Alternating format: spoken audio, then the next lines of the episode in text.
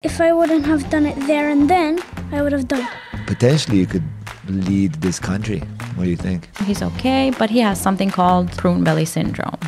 I used to leave the hospital, go home, stay with this blanket in bed, and just cry until it was the next time to go. But you're a fighter. Yeah. Yeah, so not today. Not today. No, not today. Was there any point where it got really hard financially? Oh, Whenever she's sick, I take care of her. And I was like, it's my Chris, I feel a lump on the side of Ole, tashtin kwieta. Uh, and the, the consulting comes in. I was like, now we're fucked. But has he ever asked you difficult questions that you had no answer for? Yes. We didn't tell him. And he came out of surgery and he was angry and crying and angry and crying. Ir-rabjat għax m'għandnux. Dak ir-rabjat. Dak. Was there any point where you thought, like, how do I go on? I'd rather be in traffic than sitting in that fucking blue chair next to my son's hospital bed.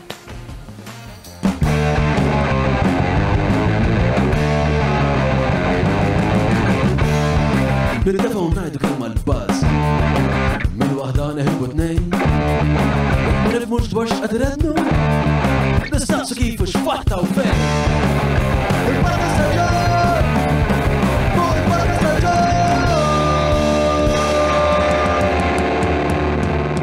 Mela, tlaqna.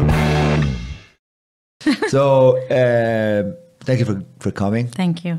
I know you're super busy, obviously. Um, so let's start here. Why is uh, why did you name your channel uh, uh, Bird with a French fry? Bird with uh, so many people ask me that. Yeah, I'm already like that, that's another way of saying that's really not an original question. Well done, good job. No, is this actually your full time job? You ask questions that But it's, million it's a people have asked good before. no no it's it's a good starter I think um, Just and it's I important. frame- Yes, it's important. What it means? Um, years ago, years and years ago, before I think I was still, I don't know. Um, I saw it. I saw it written somewhere, and I said, "Oh, how how sweet!" And it just, you know, kept going in my mind, like a bird with a French fry, you know. And then I'm like, hmm. "Hey, you know, it's true, because the full quote is "as happy as a bird with a French fry." That's the full thing. And I kept like, it kind of just kept brewing in my head. And I'm like, you know, it's true. Happiness, we complicate it. We complicate it because you need this or you want that. And you know, you, you know, we think we need all these things to be happy. And you look at a bird, and when you give them a french fry, you've given them the world. Yeah.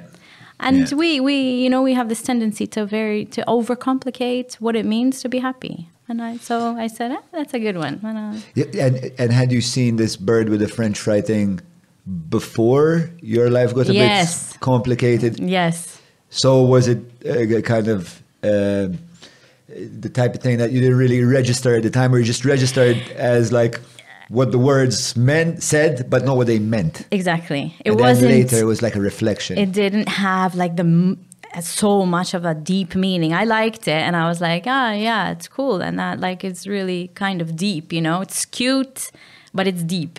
You know, um, and then as as time went by, I'm like, you know, it yeah. has so much So more much meaning more. than just simply being Exactly. cute and cool. Yeah. Listen, uh, so tell my audience what the name of your channel is, like where they can find you on Instagram, your handle, and everything. a bird and- with a French fry. So they just listen. I'm I'm I'm uh, Instagram not phobic, just not very good at this. Terrible at it. So it's just like the at sign. Yes, Listen to that's it. Grandpa saying at At. sign.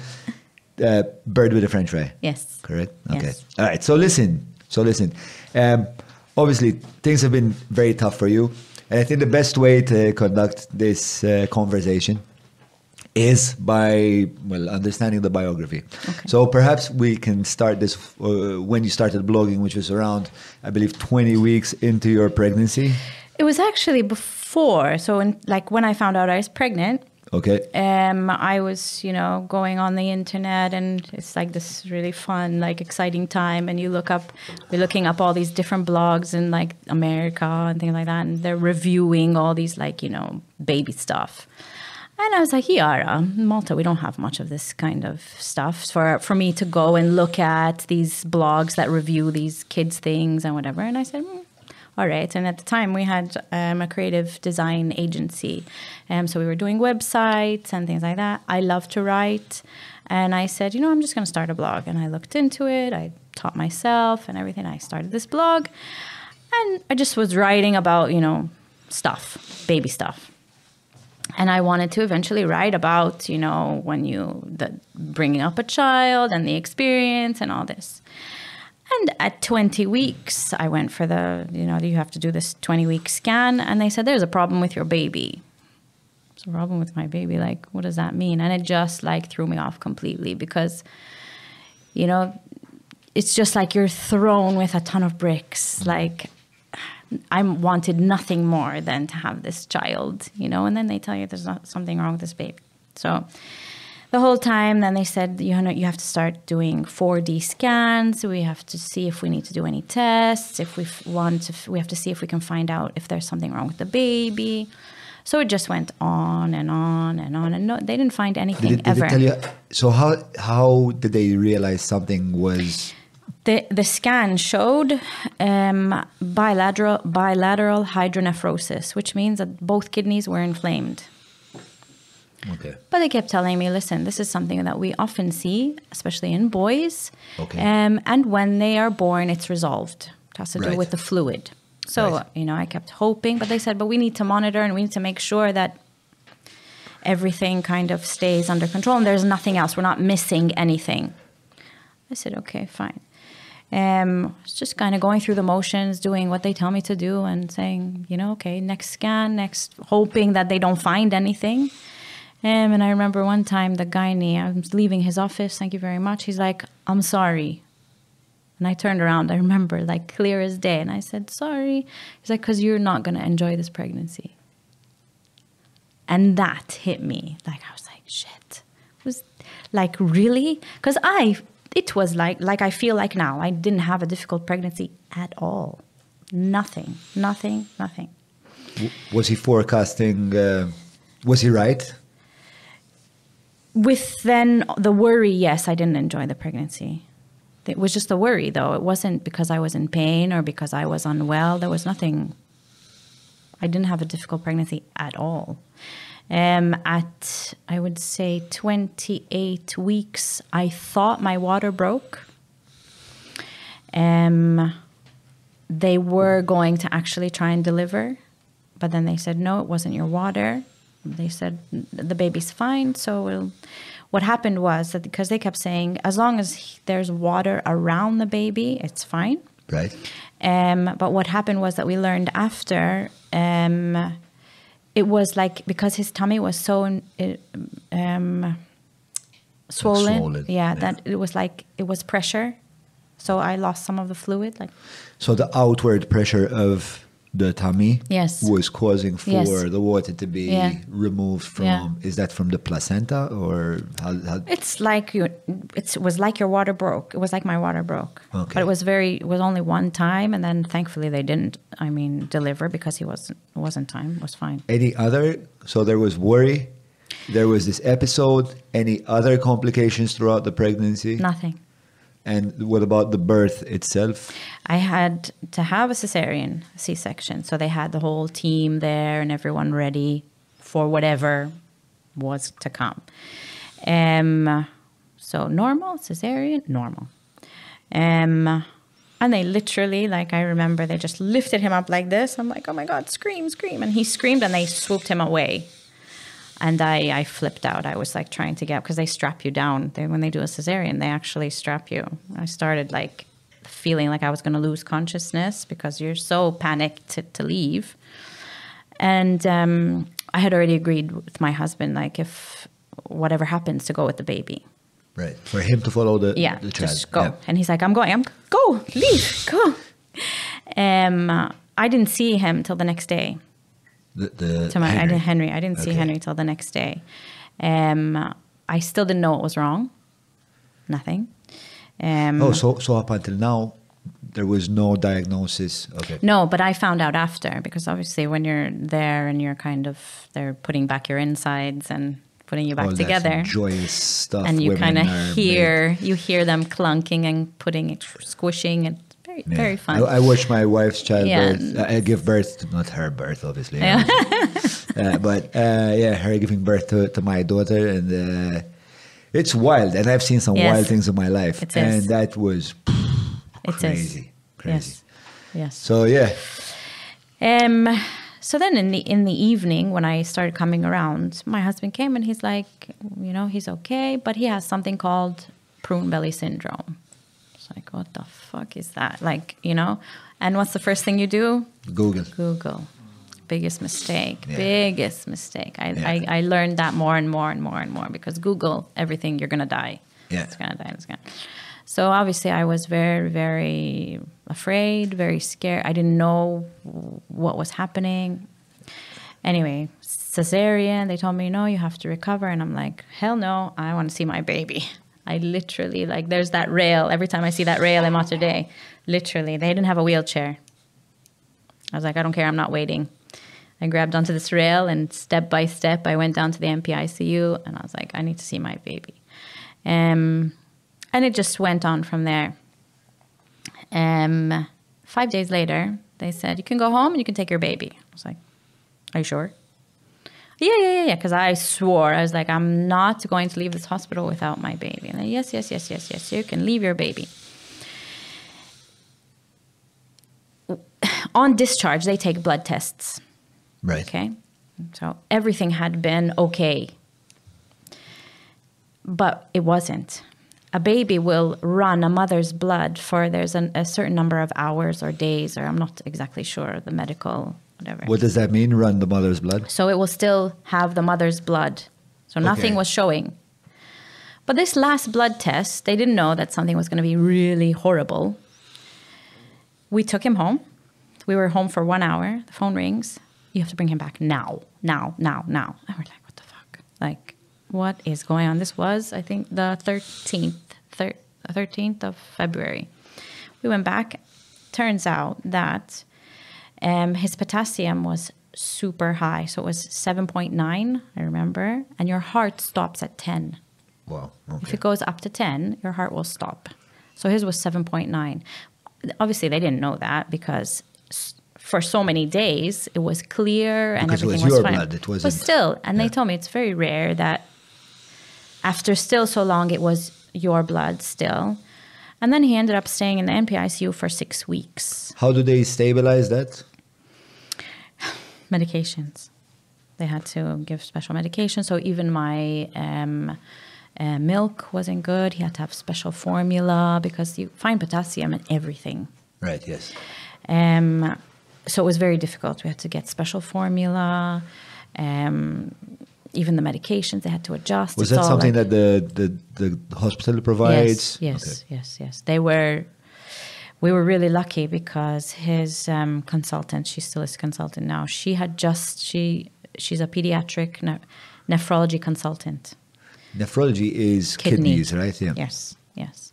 Um, so he spent six weeks, um, basically them trying to stabilize. You know, um, You obviously expected none of this. nothing. Threw me in, like literally into the deep end. How, how do you, you know, and I would go there, I would, and I had left the hospital, so I couldn't stay there. Did The you have time to reflect at this No, point? no, Where was- you're just uh, just responding to the situation. Yes. No, I would go home. I would go there, um, take a blanket home, crawl into bed. Literally, I told him the other day. I was like, I used to leave the hospital, like just go back to go home, stay with this blanket in bed, and just cry until it was the next time to go to the hospital. Because I would go twice or three times as much as. And then there was a time where I would go home, pump milk. And they would kind of give him some of my breast milk and some formula just to you know, let's say adjusted. No, and plus I was recovering from the cesarean, and I would just like as much as I, I had to, we'd go back and forth, back and forth, whatever, whenever we could go, we'd go. Just wait there and wait there, and it's not a nice place, huh? The NPICU, it's not nice. Why? First of all, the staff are I don't know a different breed of people. They are really Yeah. special, amazing people. Was this the NPICU? Yes. Which is different to the ICU? Yeah. Well, it is the ICU for babies. Uh, okay, for uh, pediatric probably. Pedi- neo- neonatal intensive care unit. okay. Okay. alright. But that also means like Oh, if they're born okay. with conditions. Yeah. Um. So basically, you're Oh, thrown wow, into okay, so all right, I understand yeah. now. So you're in this room, this huge room, and Where kids are fighting for their lives. Yes. Littles like this, little babies that are born in the incubators. And I mean, there were times where I, I mean, I just wouldn't. I would just go beeline straight for Henry's incubator, stay with him, and I would not want to know what was going on around me because there were some really tough situations. Yeah, but you were in a tough situation as well. Eh? Yeah, but when you hear the nurses shuffling and, and you're like, is that going to happen to me? Is that going to happen to my baby? You know, you hear them beep, monitors beeping, nurses running, doctors panicking, everything like, and I'm like, Uh, how's how's the father dealing with this at this at that point in the story? I don't know. I think I feel now like, I don't know. I have no idea. He was, for me, he was being very strong and very, how can I say? Maybe stoic. Yeah, he was like floating. Like I felt like, and I think we just, I my focus was Henry, Henry, Henry, Henry, Henry. He was there, but he was also trying to. He was going to university, and working um, nights. Jesus. Okay. And at the end, like when this was happening, he had his exams coming up, and and he's like, "I'm not going to do it. I'm not going to do it." And this was his last year, his final year, and I was just do it, just do it, because you're going to regret it, and you're you won't get this time back. And he wanted to. I said, just do the exams and just graduate and just get it over with, because you won't end up doing it. But we were trying to make ends meet. Um, so he was working in a call center, I remember, and he was going to university at the same time. I remember he parked his car in Sliema, our car in Sliema. We had a little Opel.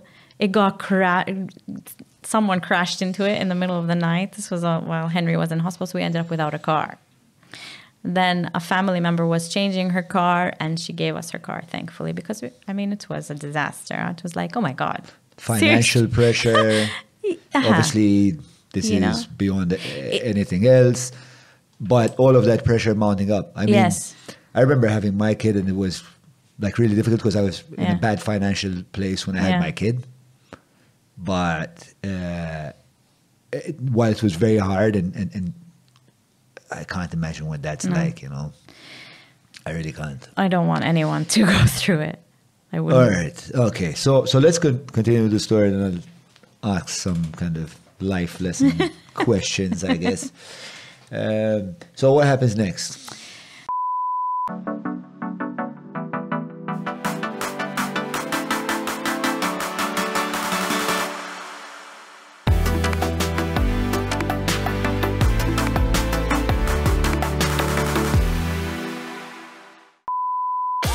Zulvini e Kapriċi by Abram ġewwa Għawdex għall-lifjen ġobnijiet laħmijiet imbejjed kif ukoll wieħed mill-whiskies favoriti tiegħi il-Jericho tal-Lost Distillery.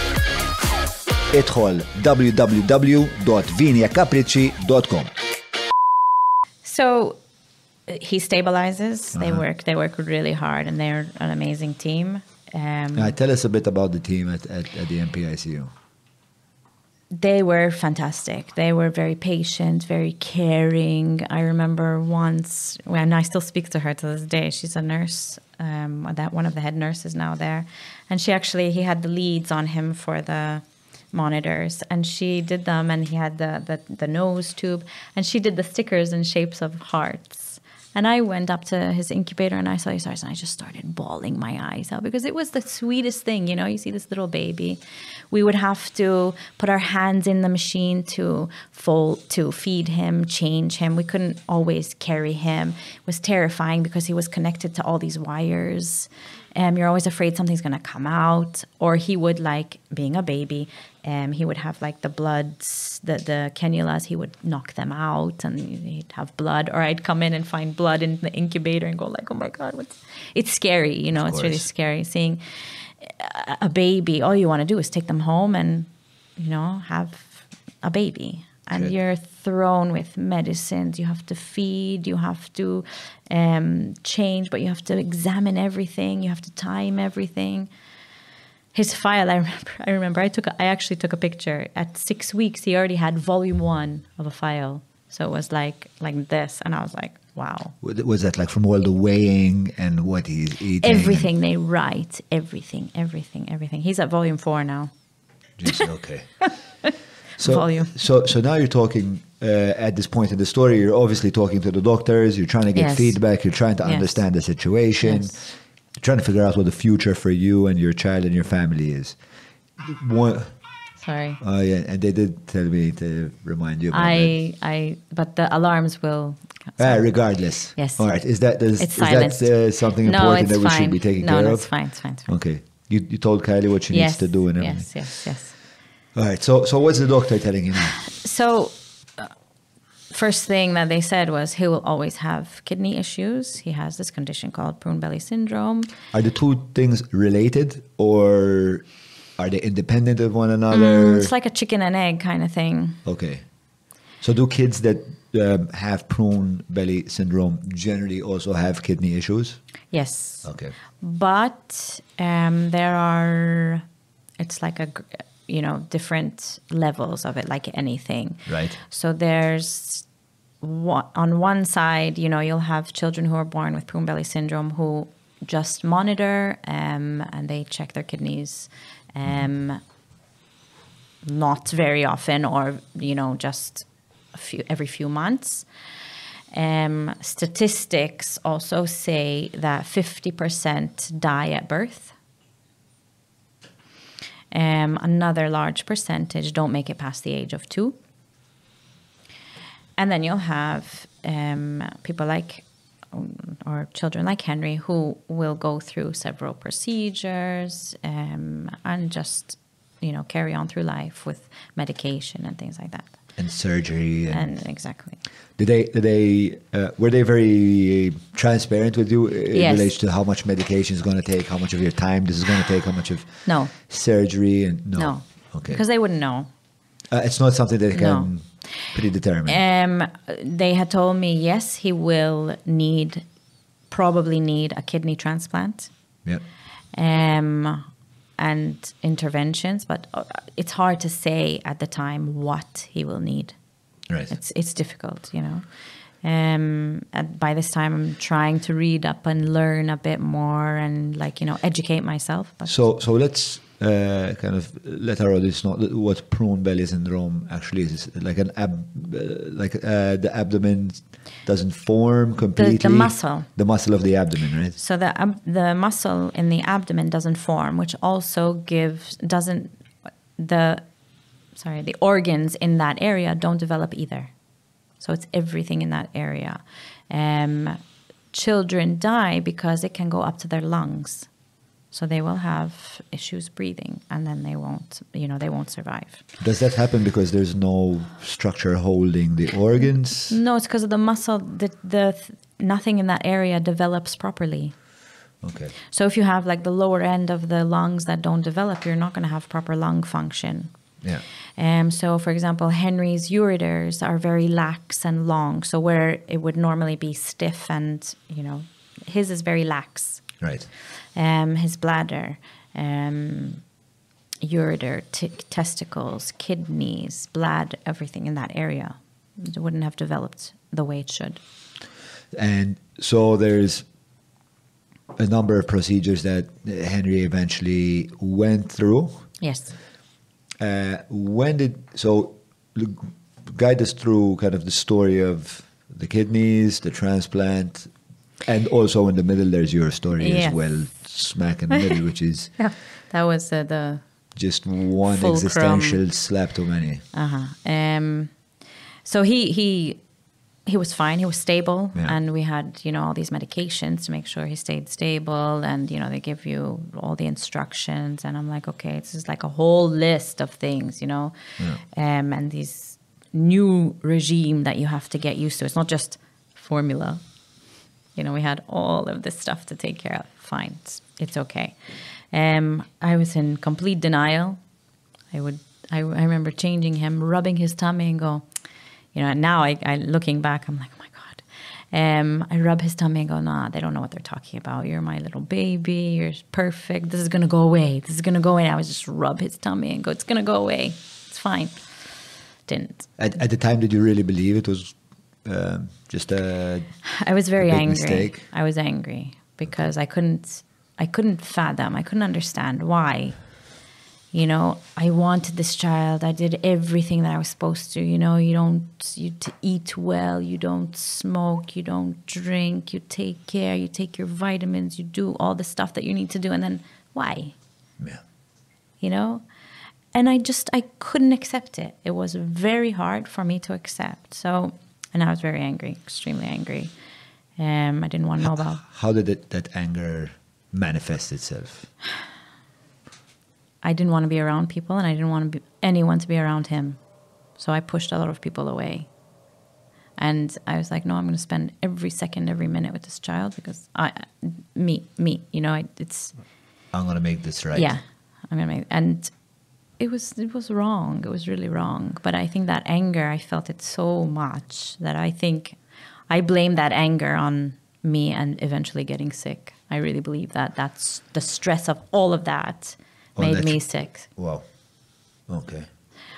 I, I, I I know probably doctors or some medical practitioners probably listening going, oh my God, she's wacko. But I really feel that stress plays such a Yeah. I think I speak to more medical doctors as time goes by that are probably very much uh, like believe you're probably right. Yes. Uh, That there might there might have been Yes. some sort of.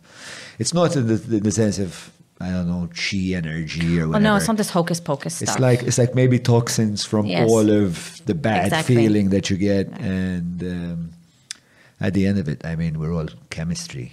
No, it's biochemistry. So and each one of us are so different and so you know you can't tell me that we've put a man on the moon Right. and all we have all these genius scientists and no one can figure out a cure and i'll tell you why i think that we haven't because it's individual each person a cure for Cancer. Cancer. You you think it's that's the issue? Yeah, we can't find the underlying cause. I know very little about cancer, and it's probably because I'm terrified of it. So I kind of stay away Get from fr- from the subject.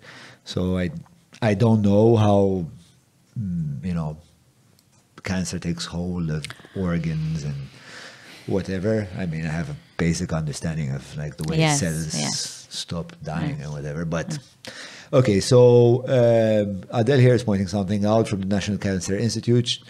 Cancer Institute, and uh, what she's pointing out is that chronic stress may cause cancer to get worse and spread, which is metastasize. Again, a word which I find really hard to say.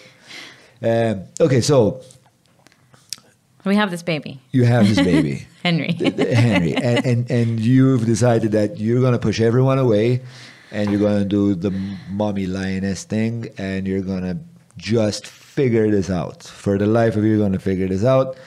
But everyone's gonna have to leave me alone, and you're also very angry at having been dealt this very difficult hand. yes. Where does it go from here? not much time passes. I didn't ha- really have much time to be, you know, in this kind of frame of mind, which, so it makes it even worse. Um, and I remember we had, um, he had blood tests because he had to have regular blood tests. I mean, it's very hard on anyone to find veins, and still to this day, it's very hard for him, for us to find veins. Yeah. Um, but when he was little, it was the same. Um, they would try as much as possible to, you know, um, leave more time between blood tests. But if it needs to be done, it needs to be done. And I remember we had gone, and um, his doctor was very happy with his results. And she said, "Okay," she said, "You know what? Instead of, you know, every week come, let's try every ten days or fourteen days, and we'll." And this was like the best news we'd heard in months, you know, since he was born and it was uh, two days after I was there. I was looking at my computer, and I had, you know, I said, okay, now we're gonna like try and get back to normal and stabilize again and get back into routine. I said, maybe I'll pick up some freelance design just to, you know, get things going, get my mind occupied, and I did this. And I went cold. I, I remember, and he was like this in, in my arm. I was in front of my, my computer and I did this. I was like, oh, nah, Oh, fuck. nah. And I, I felt, you know, dik dik il-kisħa, hekk, you know, xoq, bida jxoq lara. And, Yeah. yeah. and I called my sister. My sister's a doctor. And I was like, isma Chris, ettera, I feel a lump on the side. Oh, le, tax tinkwieta. She's like, maybe it's from like, you know, breast milk and this and that. She's like, it doesn't matter. She's like, let's, let me do a, let me find out and I'll schedule an ultrasound for you. Just go and do an ultrasound. And I spoke to my husband and I said, listen, I'm going to go and do an ultrasound. I said, Were you feeling ill at all? Were you feeling faint? nothing. So you were literally thinking, I'm about to get back on track. Uh, And now, yes, I was fine. Henry was like, I, I felt like, you know, okay, he's in a good place. you're beginning to catch a wind. Let's, yeah, let's, let's try and. And I went for this ultrasound. And obviously, you know, we had coming back and forth to the hospital. My husband stayed home with You asked me Henry. to move your mic a bit closer. My mic a bit closer, further this way. Here? This way? Okay. Um, and he said, "Tidni miaka tu le tu tax tajja tiġi l-isptar bit-tifel." And so I went, and by this time, I was used to the the people, nurses and doctors, their faces. And I'm seeing her, and she's doing the ultrasound. Which. Fucking hell. And I'm there. She's like, stanna waħda ta. All right. And the, the consultant comes in. I was like, now we're fucked. and she's there and she's like, listen, she goes, I don't like what I see. I was like, yeah, no shit. I can tell. You guys do not hide it well. Um, and she goes, I need to do a biopsy. And she goes, I either do it now or you come back. Do it now. Let's get it over it. I'm not coming back. You guys all know what a biopsy is? Yeah? Okay. do you know what a biopsy is? Yes, it's like when they take a. Yeah, so the- she brings this big needle. Ah, she does it there and then? Yes. Ah, okay, it's an immediate thing. I thought Yes. you would she schedule and prepare your. No, she wanted. She suggested. She said you can come back, or she can, or I can do it And now. you're like, fuck, I'm doing it. Just do it now. now. Yeah. I don't want to, to get it over and done with. And it's like because then that means like planning again, coming again, the anxiety and the waiting and the. So, so she takes this big needle, and I'm like, oh my god, and she sticks it in to withdraw or to extract from this lump. And she goes, okay, now you have to wait. And I didn't wait very long. And then, you know, it all starts it's again. Oh, yeah. No, she didn't tell me anything, but she said, I don't like what I see Yeah, from there. Okay. from there. She said, so, you know.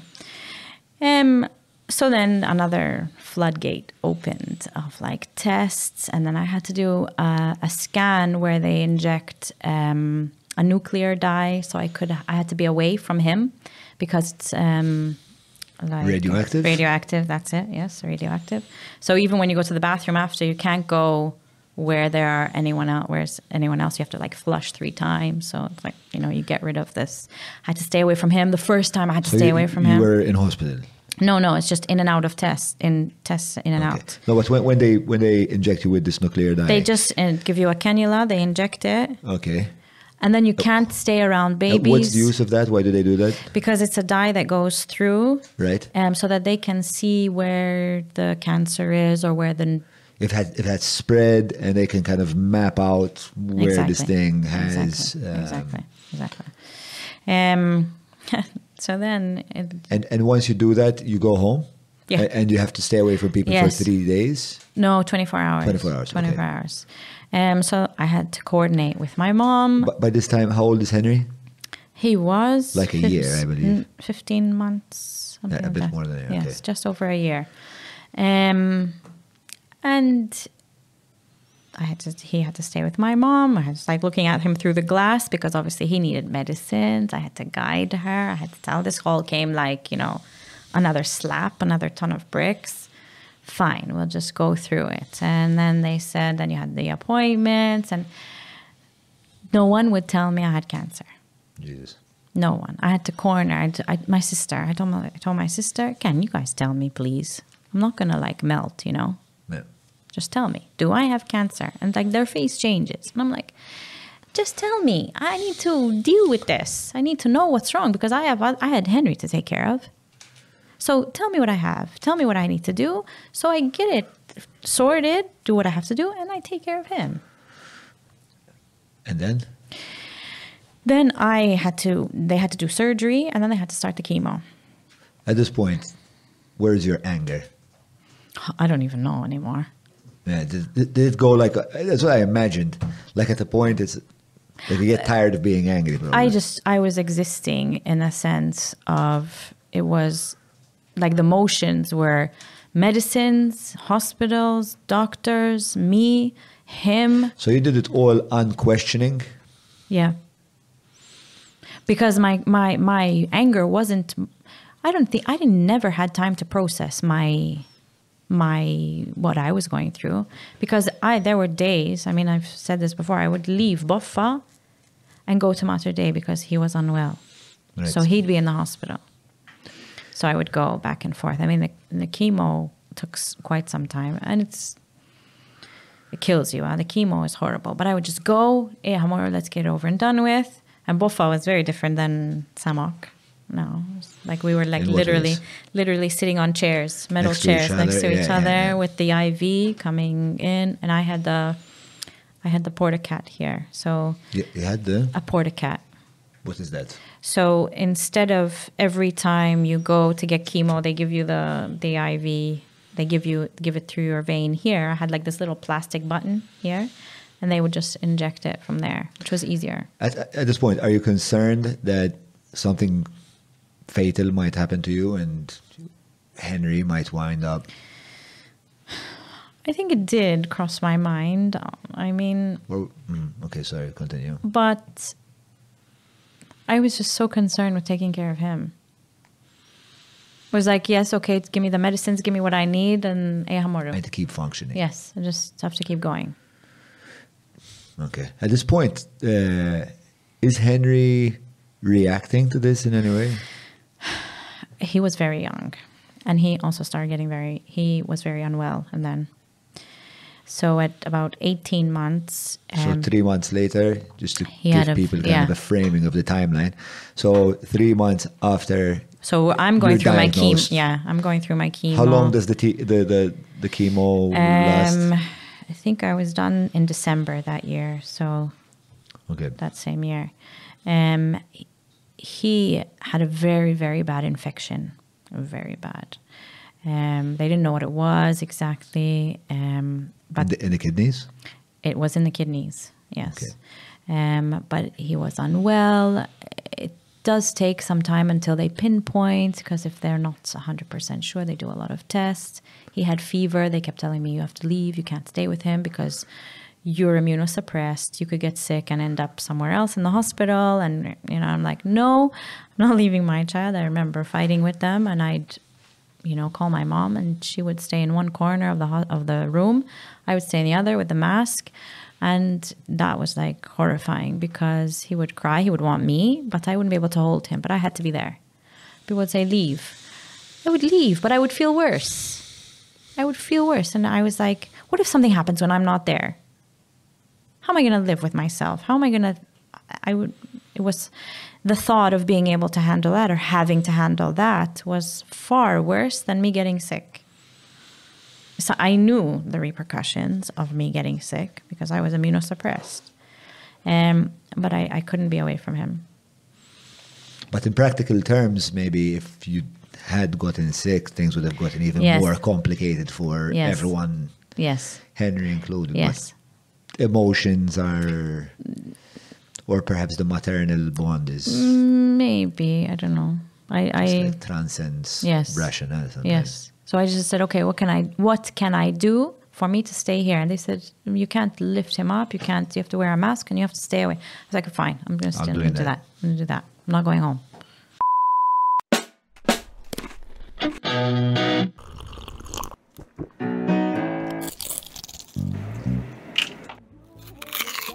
Know your food. Book your food intolerance and allergy test now. Browns.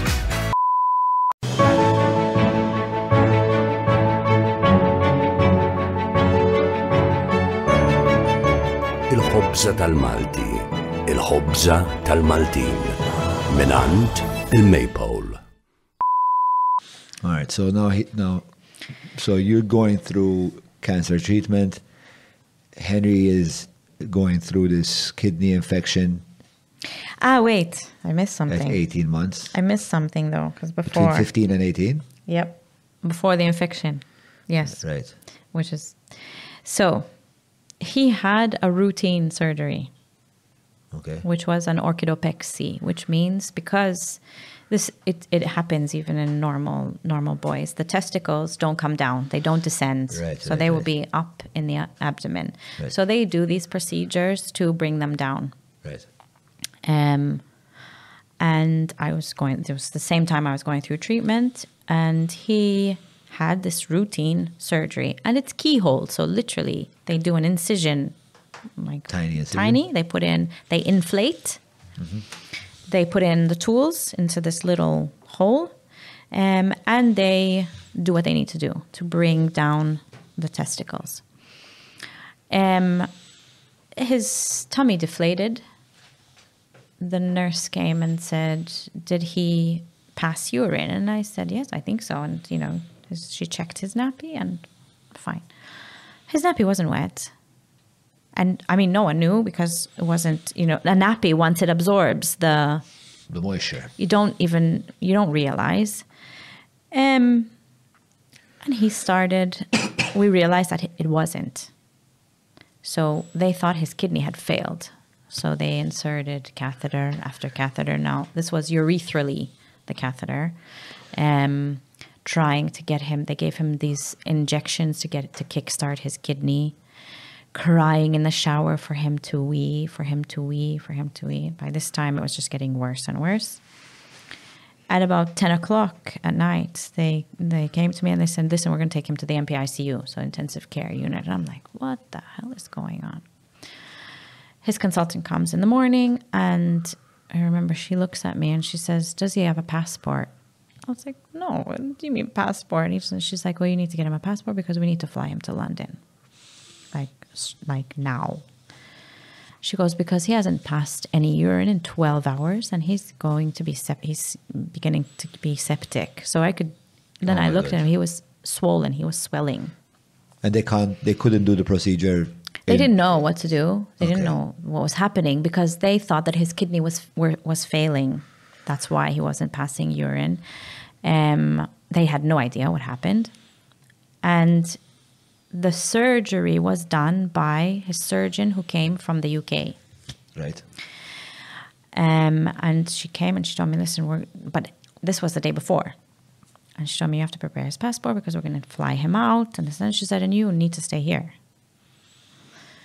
I think that, for me, was worse than anything else. And you needed to stay in Because Malta I was, because I was doing my chemo. Because you're going through your, your chemo. She said, you can't travel. You're, you're immunosuppressed. You're doing your chemo. You can't leave the country. And I said, You're not taking my baby. Like, I literally felt a shock go through my body.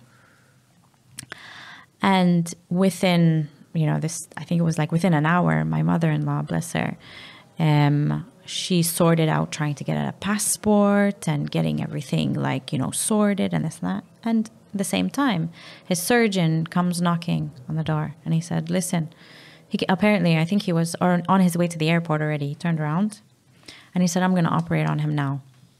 So he had come back and he said, I, I have a feeling that they thought he wouldn't make it. So he came back. He goes, I don't know what I'm going to find. I don't know what's happening. I need to, I, we need to operate. Turns out that because of his anatomy, when his tummy was deflated, because his ureter was so like long and it kinked on itself. So you can't pass urine if you had a kink, but you can't tell that with anything. So what he did was bring his ureter to the outside of his body. Oh, good. All right. So he had just like a belly button on the side of his tummy, but urine constantly coming out. Out. So bypass his bladder and just straight from the kidney out. Right. And this was like a whole new logistic of. So I had to put this three nappies on this baby. So one around his waist, another one for his opening when he opened his bowels, you know, and poo coming out from the other side, and then another one to hold everything together. Because if you if his tummy is very distended, everything would just fall. So this baby would every time like in in pee. Jeez. It was, you know, and I'm like, am I possibly Mauche? Like, can we put a bag? And they had nothing, nothing available. So This was 10 years ago. Yeah. Do you know if the the technology, the medical technology has in some way updated itself, improved? I don't know, to be honest. It's very hard because you speak to, to, to parents that are going through something but they similar? have, there isn't, there aren't, I, not that I know of, no. There isn't. What do you mean there isn't? There, I don't know anyone else who's had a child or a baby with this ureterostomy. Okay. All right. What about um, uh, prune Prune belly syndrome. In Malta, no. So it's, a, it's very rare. then? Yeah, apparently one in 40,000. Okay. One in 40,000 is a statistic. In Malta, as far as I know, there aren't anyone else. There isn't anyone else. In the UK um, and the US.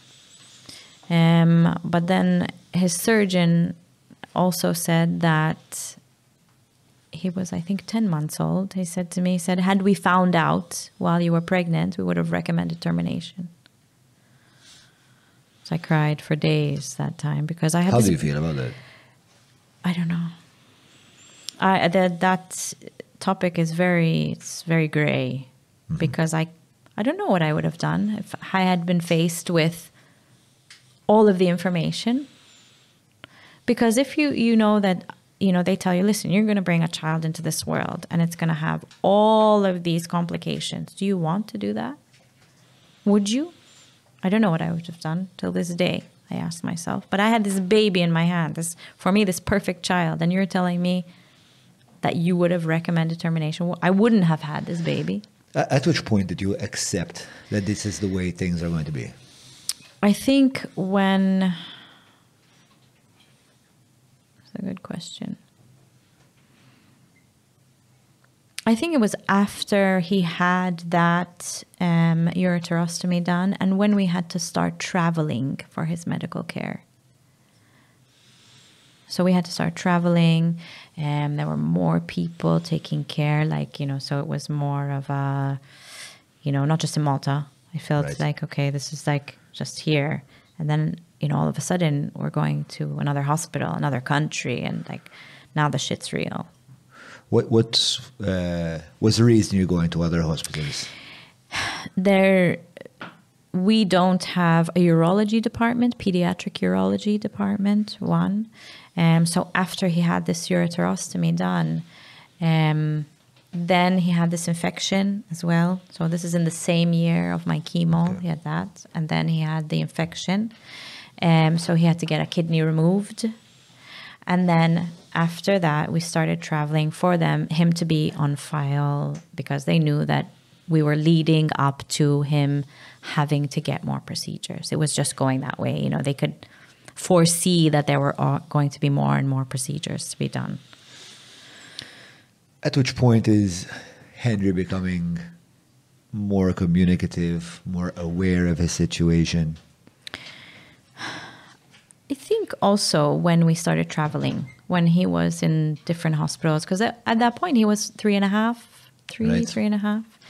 Um, and he was more verbal, his character coming out more and more. Yeah. Um, and I think that, you know, and then I started seeing even the way he reacts in hospital environments, um, how I need to help him process. We were learning about these things as well. So, you You know, are learning about the medical aspect of it, or how, How- to communicate things with, him. a, with a child. with him. Yeah.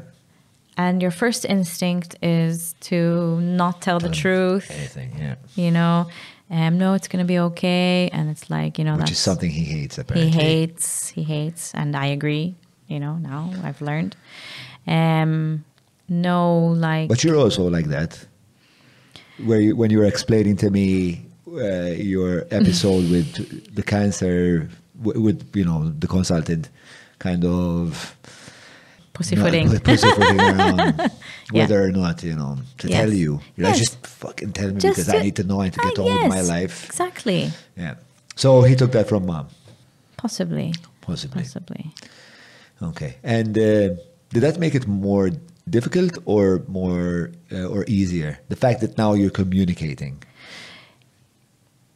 Easier, It- but Easier in some ways, more difficult in others, maybe. Difficult because I I couldn't speak to a child the way he wanted me maybe to speak, kind of thing, you know. I it's very hard because I mean the first surgery that he had when he was older, he when we were in uh, Great Ormond Street, he um we didn't tell him Right. and he came out of surgery and he was like we couldn't they they'll be in recovery and you they have to settle and he was angry and crying and angry and crying and i remember my husband saying "Ir-rabjat għax ma nilux. dak ir-rabjat dak ir-rabjat and he didn't speak to me this boy fil arnita that tifel or like mommy mommy mommy. And he didn't speak to me for like three days. He was so angry and i was like oh like you're thinking this child is only like you know little. How can he? And it was true. And he go my husband says to me he's like dak dak irridu ngħidulu kollox irridu ngħidulu tajpu ħażin irridu ngħidulu And f- from then on, was From that then- the policy? yes. But has he ever asked you difficult questions that you had no answer for? Yes. Yes. Very difficult. Um, even recently, this last admission he had, the question that I was dreading, why me? Yeah. And Do you ask that question? I used to, I don't anymore. Is it because it's a pointless question? Mm-hmm. Why me? Why anyone? What do I have that's different from anyone else? We know that other people have been unwell. There are so many things we don't know about. Well, I don't have anything different. So it, it's almost nowadays, it's like, when is it going to be me? How is your character, your personality, how is that evolving, changing uh, with the with this process? I was always very quiet, very shy, very timid. I would never speak up. But I don't know now. It's like lately I've been trying to say, has my experience changed me or age? So Right.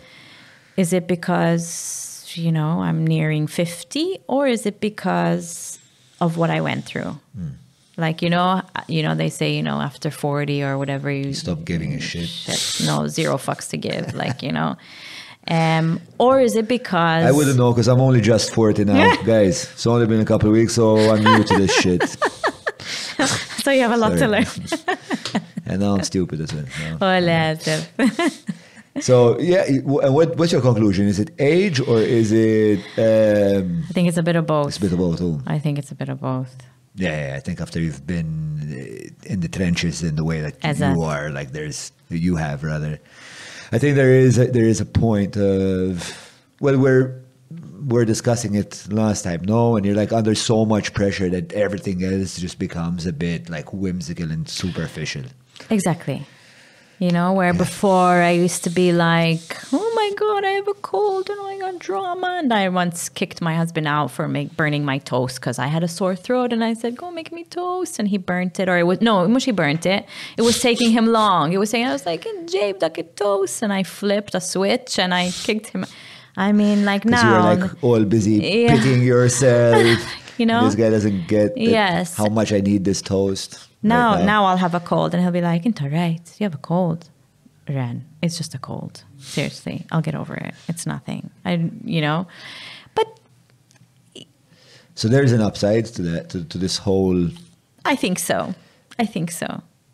It's arduous adventure Yes, that you're yes. you're still on. You're still on. So, Yeah. so let's continue with uh, with more of, of the this biography of yours, yours and Henry's. Uh, who, who later we can we can have a chat Yeah, with Henry. he- he Yes, wants to, he like wants asked to, Me, yeah. I was showing him Donkey Kong.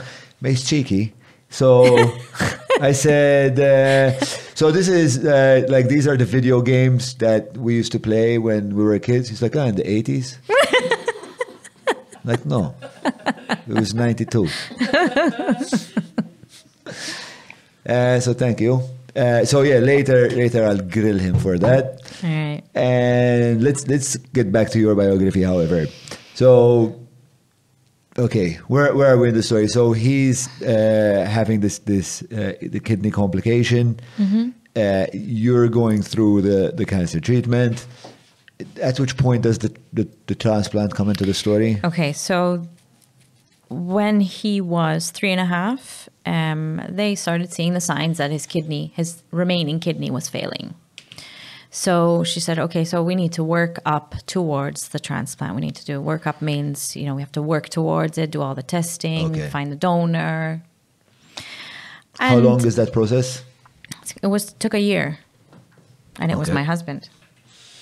Was daddy's kidney, so shorta. And like till the very last minute, they kept him on his toes, Miski.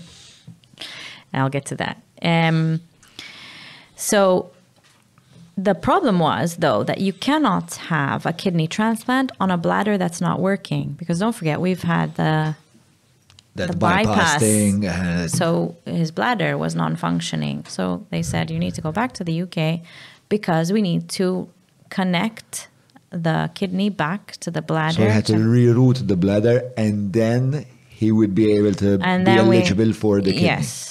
I mean, it was in the same kind of, but before the transplant, he had to have this sorted. Right. Um, so that was um, in 2016. Okay. Um, How old is, is Henry by now? three and a half. Okay. How many how many surgeries has, ha, did Four- he have by, by the time 14 he- now. So total Since- of 14 Till now, yeah, 14. Till now. Um, so he had to get this done. And this was so where he had the ureterostomy, where urine was coming out, Mm-hmm. they created a hole for us to insert a catheter to empty his bladder Okay. because the condition also um, doesn't let urine by, uh, come out urethral so he will never empty his bladder enough. What's happening to your business around this time? Because we skipped a year and a half. and are, are you still running at the I time would- where you're running no, the business? No. So the business was completely on pause. Oh, yeah. okay, so it's just purely full time dedicated to Yes, Henry's well being. Yes, yes. My, you my, getting better first, and yes, then Henry's well being. Yes, uh, yes. as I mean, I had really nice, you know, people I knew who would give me like some freelance design work here and there. But this, I mean, the hus- my husband had to like try and make ends meet no matter what. I, To I keep the household. Yes, I mean, the bills don't doesn't. bills pile up. Uh, and was there any point where it got really hard financially? Most of the time. Most of the time, Yes. it was uh, Most of the time. firefighting. Yes. Steered away. I mean, Yes. Yes. okay. Um, my priority was him, Right. and we had family helping us out, but it was horrible for me and my husband because we were both the eldest. We never asked for help. We don't like asking for help. Him a lot less than me.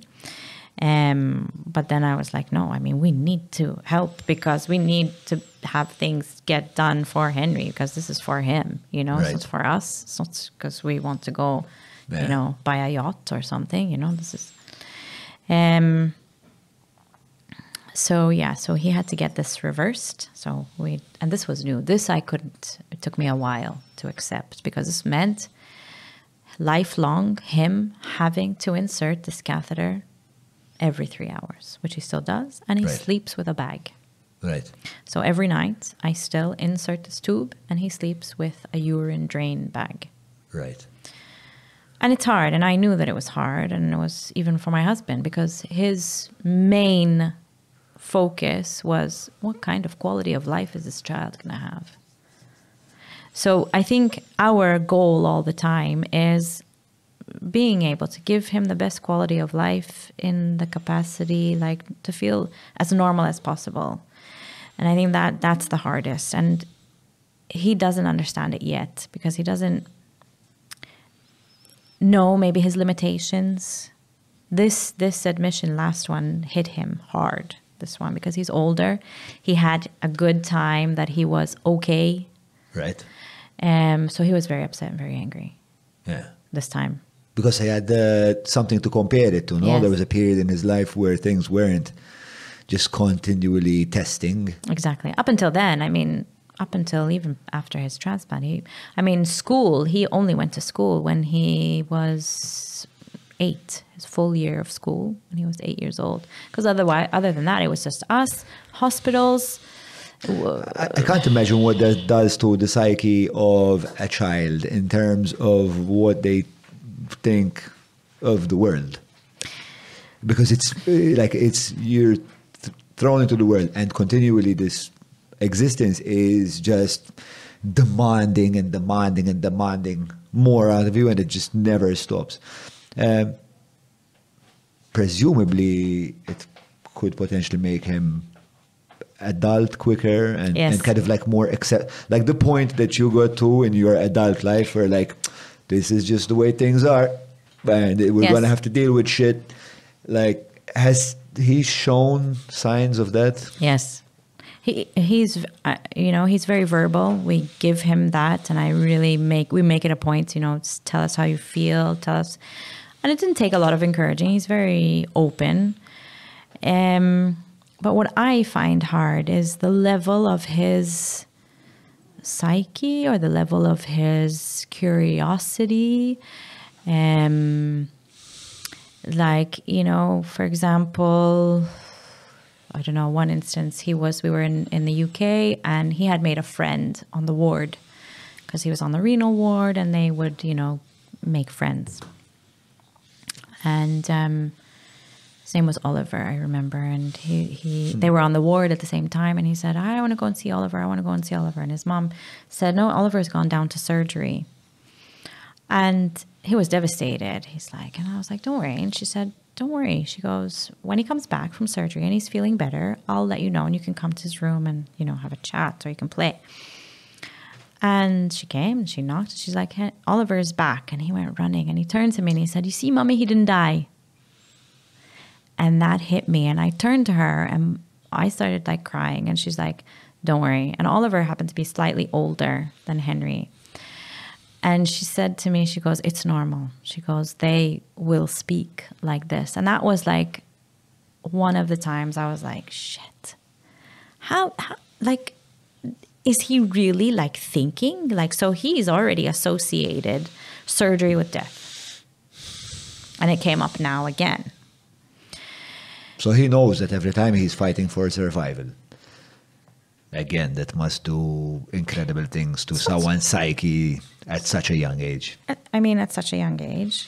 And, you know, then it was around this time as well where he was getting very. how do you react to these things i mean do are these things discussed often Now, when he brings it up, yes. If he asks, we try and talk about it. My husband's better at talking about it than I am, but I've learned because he's taught me. I had to. I had to pick up my big girl pants and say, if this child wants to talk about it, I need to learn. I can't run away from it. I can't like show him that it's taboo because then I don't want him to think. before henry was it something that For me, you yes. would discuss No, no.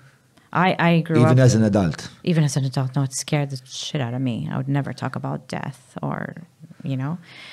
But my husband, for example, on the other hand, it's like this cycle of life. We have to die and we die and we're born and we're dying. It's a, it's a cycle. We have to accept it. You know, are it's you reality. religious at all Um, I was brought up religious. I'm not anymore. No. No. so I is there a story like is there a story that because i'm i'm agnostic and my kids ask me about about these things you know and she's seven uh, and she's very curious about life and she asked me about like what happens after after we die you know? Uh, and i say we don't know. And she seems fine with that. She really seems fine with that. I think it's it's healthy for us to give them different perspectives.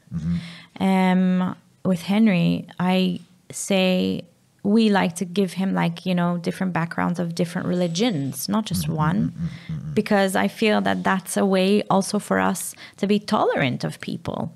yeah I believe that we need to focus on being a good person rather than maybe believing in something that's going to make everything better.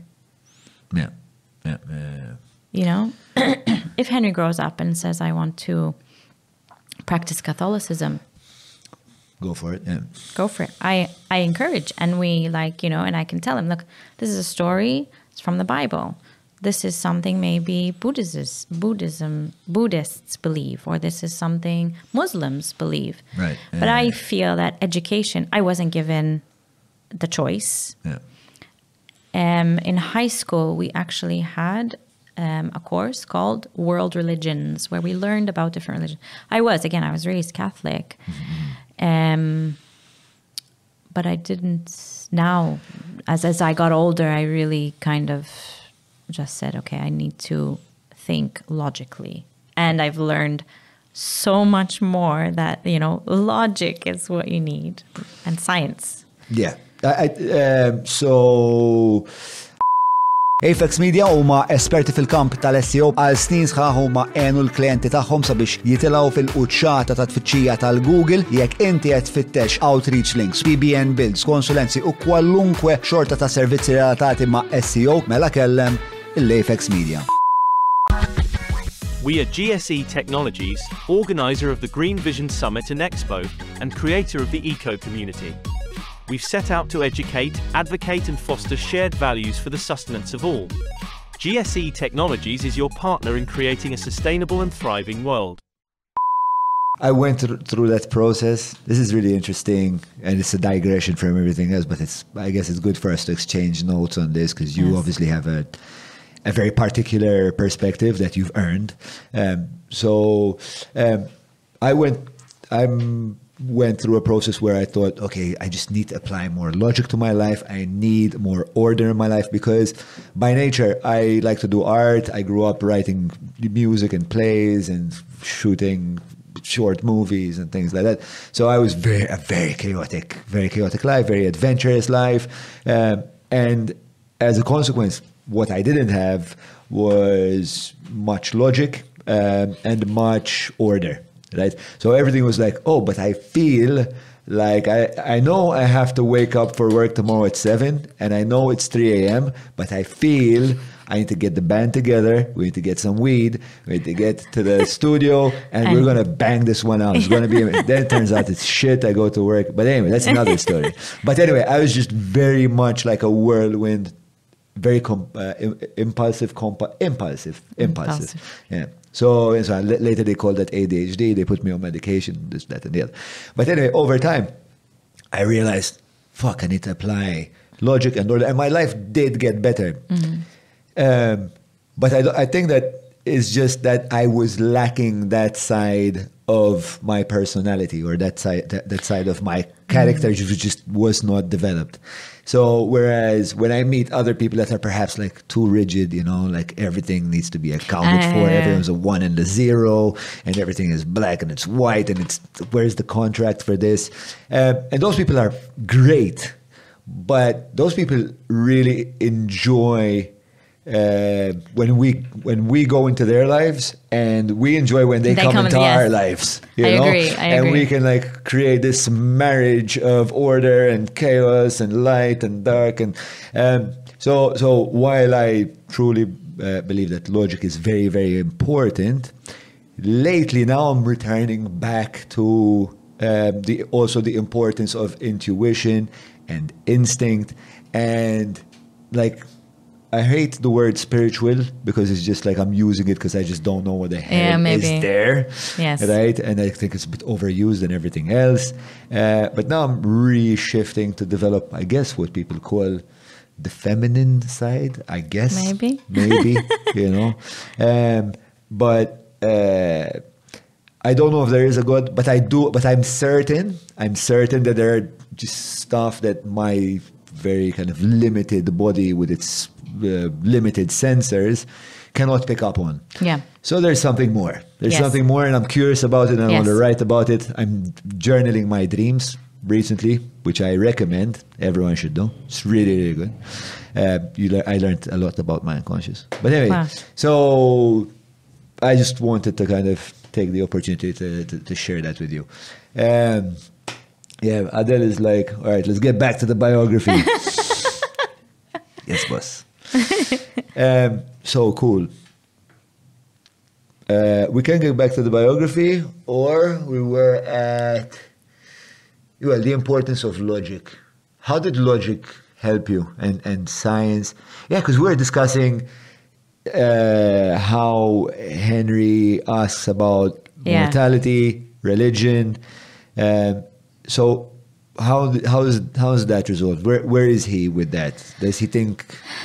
I don't know where or what he thinks or how or I mean he was going through this anger, I think this internal conflict of like, you know, being in the hospital, seeing you know that his there are other kids who are suffering and you know there were even kids that he knew that passed while he was there. So, you know, or he'd Jesus. ask me like, you know, where's and I'd be like what do I tell? I, I lie, And, you know. So it's very, very, and the things that they're faced with, you know, you you can't hide it. You can't. Do you go to therapy? No, No. no. I I did spend some time, but uh, didn't work out because I didn't have the time. Basically, it was offered to me when I started chemo. The person didn't like accommodate the time frame that I had. I don't know why, and then I just gave up and I said, okay, no. Okay, I'm gonna go Um, this by myself. And then I just said, yeah, I'm going to do this by I'll walk myself. This, this road.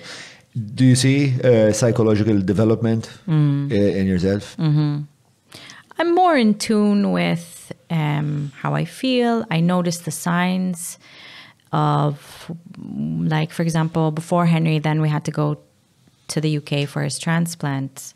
Um, I wanted some antidepressants just because I said, this shit is going to get hard. It's Yeah. going to get very, very hard. My husband would be in one hospital, Henry would be in another hospital. I'm going to have to do this on my own. Not because I, you know, but I knew it was one of Okay, explain that that uh, arrangement to us. So you have uh, Henry in one hospital in the UK. yes, Okay, to do the transplant. Yes. The husband is in another hospital in the UK. Because he's the donor. yes. Right. Where are you? You in the story. Where where are you? Are you going? I'm with you- Henry. You're with Henry. Yes. Okay. All right. Um, So tell us about that that experience. So they- they- why are they in different uh, hospitals? so when they were telling us, you know, and they said, you know, because Randolph will be at Guy's Hospital and Henry will be at Great Ormond. And I was like, wait, what? Because it's not a children's hospital. So they need to, they have a particular team to take out the kidney and then they transport it across London, take it to Great Ormond Street to put in. Jesus. Yes. So that was super surreal. My husband looks at me at that time because I, he could see me like going, he's like, "Does Guita, what's my tiffin? Does I'm like, what about you? And I'm like, it's like, I don't want anyone next to me. He's like, you just stay with Henry and that's it. And I'm like, yeah, but I, you know, he's like, Halini. Like it was just like for him also, I think he just wanted that time to, you know, be on his own. He, you know, in fact, then when I s- Process. process, I told him he still to this day, he's like, you had to tell them to come. And I'm like, Mshovia, they're your family, your parents. He didn't want to tell anyone to be there. He was just gonna do it and not let anyone know. No, I mean, but he didn't want anyone to go to the hospital with him, and this he just wanted to be like, leave me alone, tipo. Um, it was a hard thing, not donating, but he had to stop smoking, stop drinking, lose weight. Till the very last minute, we had to sign papers, legal papers. They interviewed me with a lawyer, everything. Tipo, is he getting paid? Are you like real, like really brutal? Like Is he you know, getting paid by who? Yeah. Henry. I don't know. They they have this this thing in the UK. They have, a protocol. they have to ask these questions.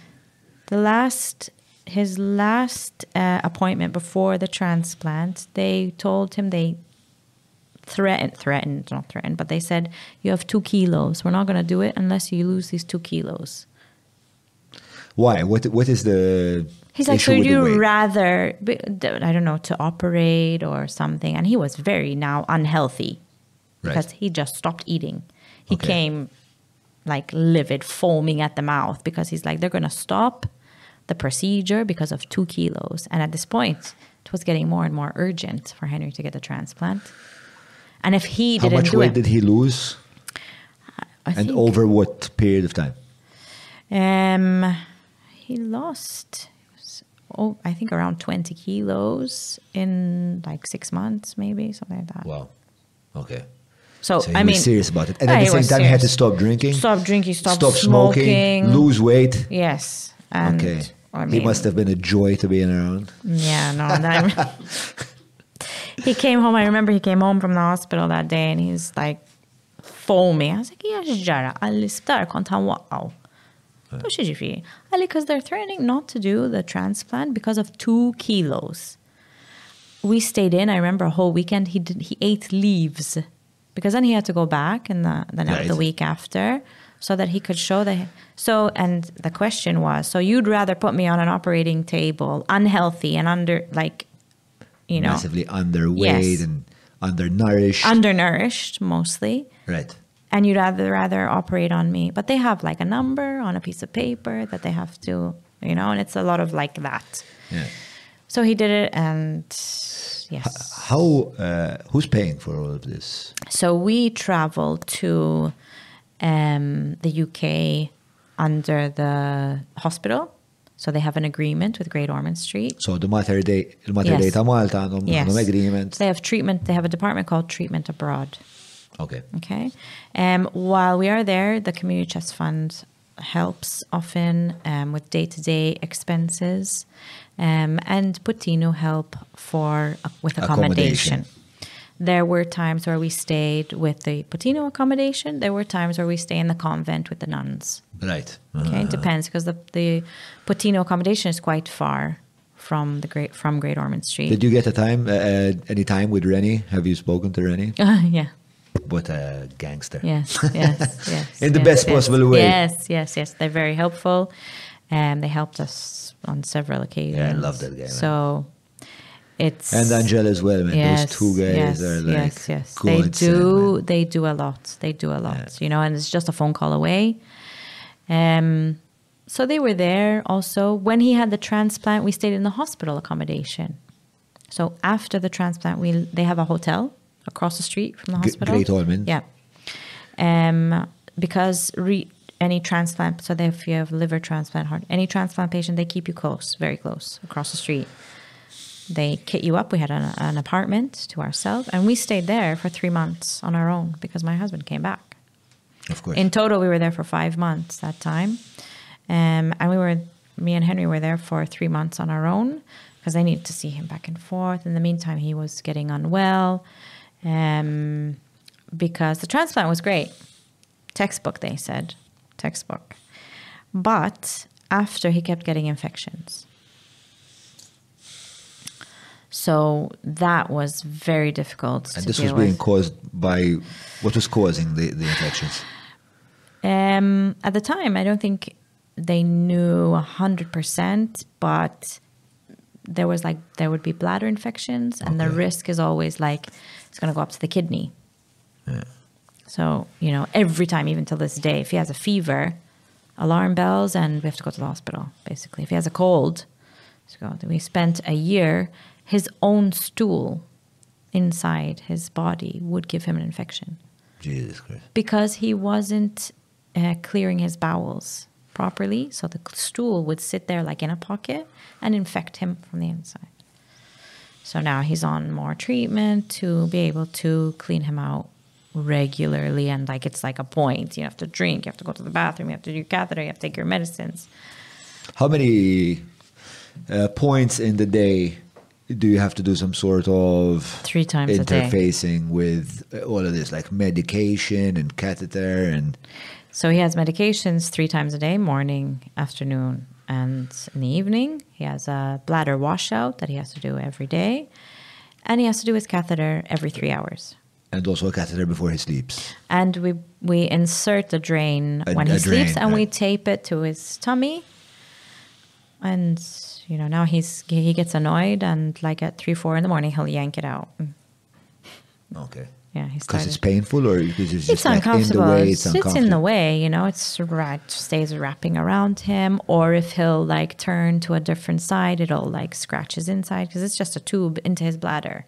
Even for me, to get used to it and to do it. I can't see the inside of his bladder, so you're putting in this plastic and it touches the wall of his bladder. That's I would imagine it's painful. Right, of course, of course. It's it it, it sounds painful just hearing about it. Just you can feel uh, like it's happening. So you. he does it now himself because you know Right. once he once he started Is, and is he more comfortable just doing that himself?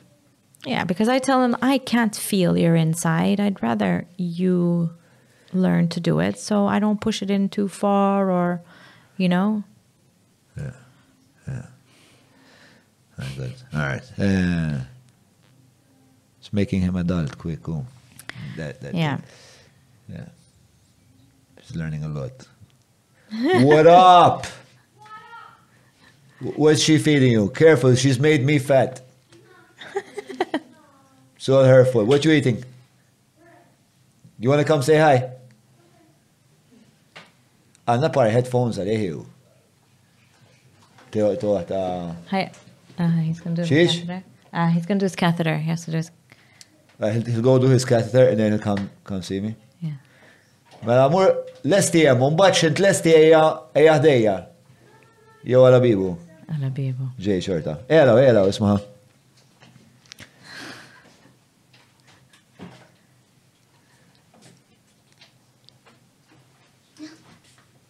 How's it going?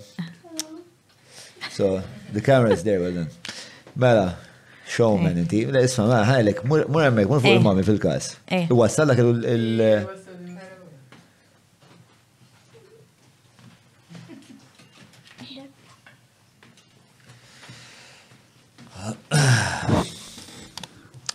So, uh, was Kylie treating you okay out there? Yes. What was she doing? She was feeding you? Uh, I'm gonna she move. The, only gave me a piece of bread, but it's fine with me.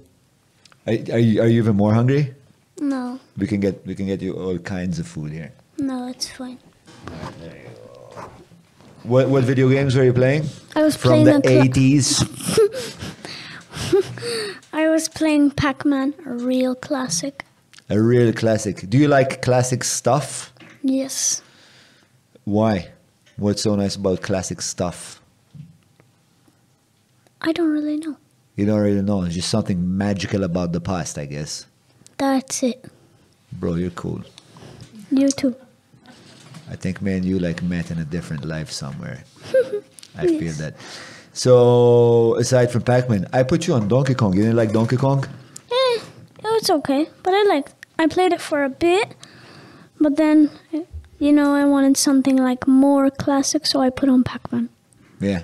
Do you play video games at all? I like do. usually? Yeah. What kind of video games do you play? Um, the most recent one that I'm playing is this Oculus VR headset. Ah, yeah, mom did say that. She didn't mention that. Yeah. Yeah, oh, so that's Oculus. Do you hook that up to your to the PC, or is it just like a freestanding thing? Can someone pull up Oculus so Uh. I don't look like a complete degenerate? Thank you. So put it's put the picture up so I pretend to know what he's talking about.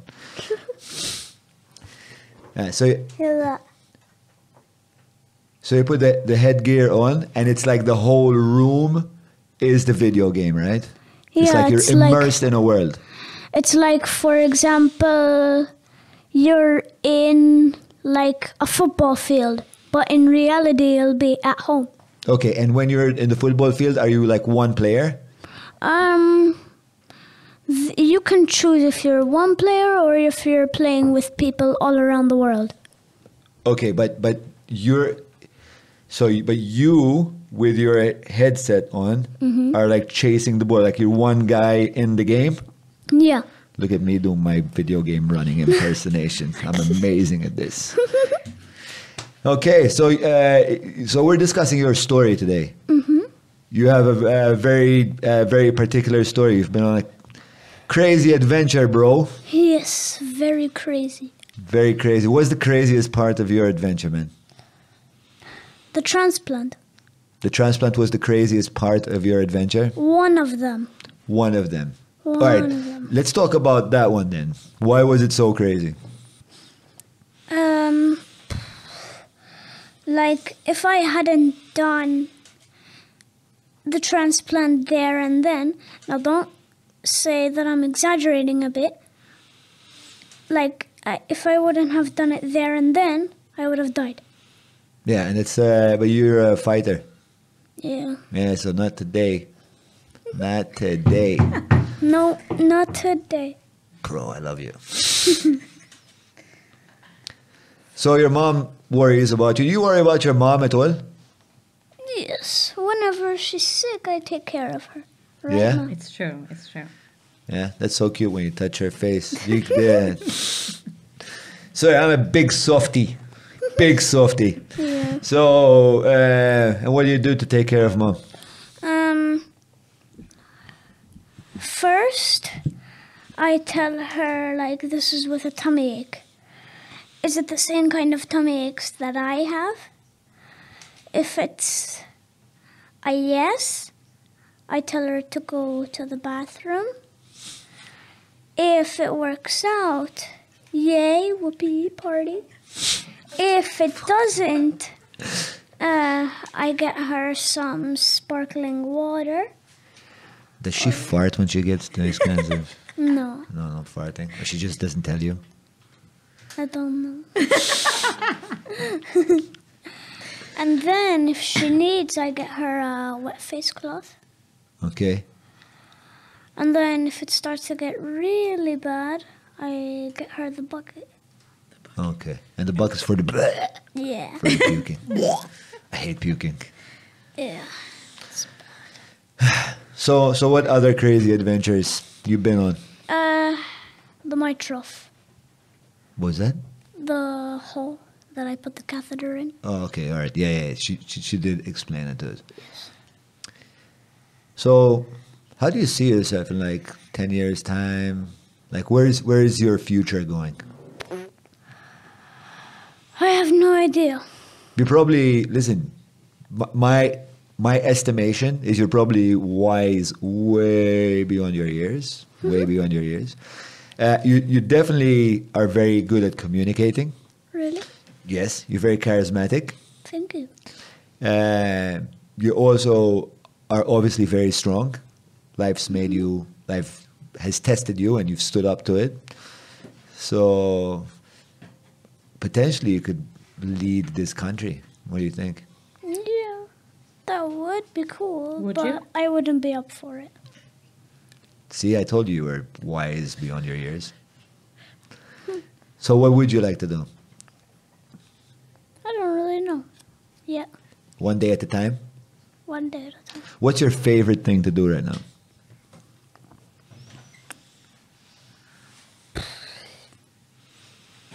I don't know. What's your favorite thing to do? Come on. Is it the Oculus? One of them, yes. One of them. How's school? It's very, very cool. Very, very cool. Yes. What's cool about school? Uh, that in the breaks, like sometimes I would be with my friends at the cafeteria or in the gym. Like there's a big basketball court, Right? but we just use it for like all sports except tennis. Uh, and um, what's, what, what sport do you like playing? Uh, I like playing football, but on all by myself, and basketball. And basketball, do you play that with a team or, or is that by yourself? You, you, you do realize we have a basketball ring outside there. Yes, I have realized. Okay, so okay, when we're done, Yeah. we can clear out some space and we can play some. We can shoot some hoops. Are you any good? Yes. Yes. Yeah. Okay, you think you can dunk? I can't dunk, but I can shoot. You can shoot. You got a good shot. Yeah. Okay, after we're gonna shots. we're gonna film it. Don't worry, we'll keep film, we'll keep filming it until we get it right, and it we'll be like, "Ah, I tried it, did it first time, was amazing." And the editors don't need to edit to see how bad you are. Oh. End of interview. Get out my space. Listen, are there any other special people in your life that uh, make your life better? The only two important ones, mommy and daddy. That's beautiful. Only. They're the they're the main the main gang. Yeah. Why? The main boys. Main Well, boys. except her. the main boy and girl. All right. Okay. Um, me and my daughter, we have a gang. It's called uh, Chips and Taco Goon Squad. That's a good one. It's very relevant to this conversation. so, um, right. So, why? Why are these two people the mainstay? Well, first of all, Daddy is one of the main ones because, I mean, he gave me one of his kidneys. Yeah. Whose dad would have been kinder than that? That is a very Literally sacri- noble, brave, courageous. In my opinion, he, sa- he sacrificed his life. He's well, for sure, for sure, there was. I mean, thankfully, he didn't sacrifice his life. Thankfully, he was willing to sacrifice his life. He was li- willing to lay down his life for his son, and that's amazing. That's just If out of this arises. world. Yeah. If so you feel very loved. Yes. I just don't know it. You don't know it. You're telling me. What do you mean you don't know it? Is that something you heard in a movie? And you're like, oh, yeah, I'm, I'm on a podcast. Let me try that. My kids do that all the time. Like out of context uh, stuff they quote from YouTube. You watch YouTube? Yeah. Yeah. Some good stuff on there, some garbage on there. But wait, more importantly, tell me about mom and dad. Okay. Nirringrazzjakom tal-li qed issegwu din it-taħdida bejni u Lorenda kif ukoll ma' Henry. Eh, qabel ma nkomplu nixtieq nirringrazzja uħut, insomma mhux uħud, il-sponsors kollha li jagħmlu dan il-podcast eh, possibbli u għal daqsnat nirrakkomanda li tagħmlu użu mis-servizzi u mill-prodotti tagħhom fejn tistgħu. Dawn l-azjendi huma il-Hungry Hippie, il-Vini e Capricci ta' Abram, il-Browns, il-Maple, il-Kutriko, Apex Media, GSC Technologies, ESS Electra, grazzi il-Garmin, il-Derek, E-Cabs li huma nis li ilhom magħna bħal Derek mill-bidu net ehm, u waqt li aħna qed nikbru wkoll huma qed jespandu internazzjonalment u hija xi ħaġa li għandha tagħmilna l-kol gburin bħala Maltin għax naf kemm huma nies ferm intelligenti, kemm huma nies ħabrika u kemm huma nies li jimpenjaw ruhom biex l-affarijiet li għamlu joqorbu dejjem iktar lejn l-eċċellenza. Għal daqsna tina vera gbur li għandi dan il- din il-rubija eh, ma li. So, da kollox plaqati għaj, eh, għarat laqna pjata taħdida bejni u Lorenda. And mom, even though she hasn't gave me her kidney, she probably will in the next five years when I'm 15, because that's the estimated year of age that I'll need another kidney, sadly. Uh, yeah, she will be another my hero in the future. But isn't she already your hero with all the things that she does for you already? Yes. Like, like you're literally her life, man. You kids don't know. You kids have no clue. None. None. Zero. Zero. You only, you know, you're going to figure this out. You figure this out when, you, when you're taking care of someone else. When you're taking care of someone else and you realize, ah, I'm the only person in this world that I'm the, I'm where the buck stops for that person. And when you realize you have that position in life, you realize, oh my God, I love this person more than my, like, understand this. Your mother loves you more than she could ever possibly love herself. It's not, it, it, I, I, you can't begin to understand it, but once, once you have kids, my God, my God, something happens in your heart. It's like there's a part of your heart that's there your whole life, but uh, you didn't look into it. And then you, like, she saw Henry, and like this little uh, midget in your heart, like, takes a hammer and just like breaks down this wall and there's like this whole field of daisies and joy and rainbows and unicorns farting glitter and all sorts of stuff like oh, i didn't know i had that and that's just when you see a kid the first Yeah. time so that's that's what goes on in your mother's heart roughly scientifically Okay. speaking Okay.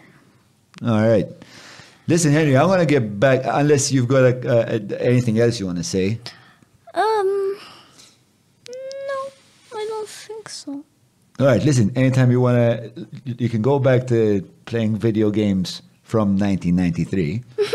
Not Um, 1993, I would say 1983. 10 years back. 83, I was born, bro. Let's not, uh, you know, like we're being nice to each other, we're being civil. civil, this could turn ugly. You like wrestling? No. You Well, I like watching WWE though. That is right. That's wrestling. Yeah. Yeah. Uh, Yeah. yeah. I, Okay. I- Who do you when I was like? your age, that's what I wanted to be a wrestler. Who do I like? John Cena. I like John Cena. I like him. I like Cody Rhodes, Cody Rhodes. the American Nightmare. Tell Not him, familiar. Tell him about John Cena, what I did. Oh no. So, very funny and very unrelated. Right. So, when I was in the hospital, I think it was after the transplant, Right. Uh-huh, in Great Ormond Street. uh-huh, John Cena had came and visited and like donated like two million pounds. And I was in like the playroom with my play therapist, and these other people came in and she and they said, "Hi, John Cena's here. Do you want to come say hi?" And Mama was like, "Mm, "No, no, thank you." And they were like, "Okay." I didn't know who? John Cena was. And then when we went back to our room where Daddy was, she told him that Isma Dino anyone by John John C John John Cena. And she said, eh, eh. Did you and, and he said, Did you talk to him? And she said no. And this is the best part, you know how daddy went. Don't swear. Don't worry. Okay. So you guys snubbed off John Cena. You're Yeah. like, ah, whatever. Yeah. And now, like two years ago, Gordon Ramsay came, so whoopee. Gordon Ramsay came to Great Ormond Street. Great Ormond Street. Yeah. Did you speak to him? No. No. Why I not? want to, but not at Great Ormond Street. But not at Great Ormond Street. Yeah. Were, were you at Great Ormond Street at the time when when Ramsay came to visit? no, and I Ah, don't okay, want alright. All right, and you don't want to go back to uh, to. I don't want to. But if we have to, we have to.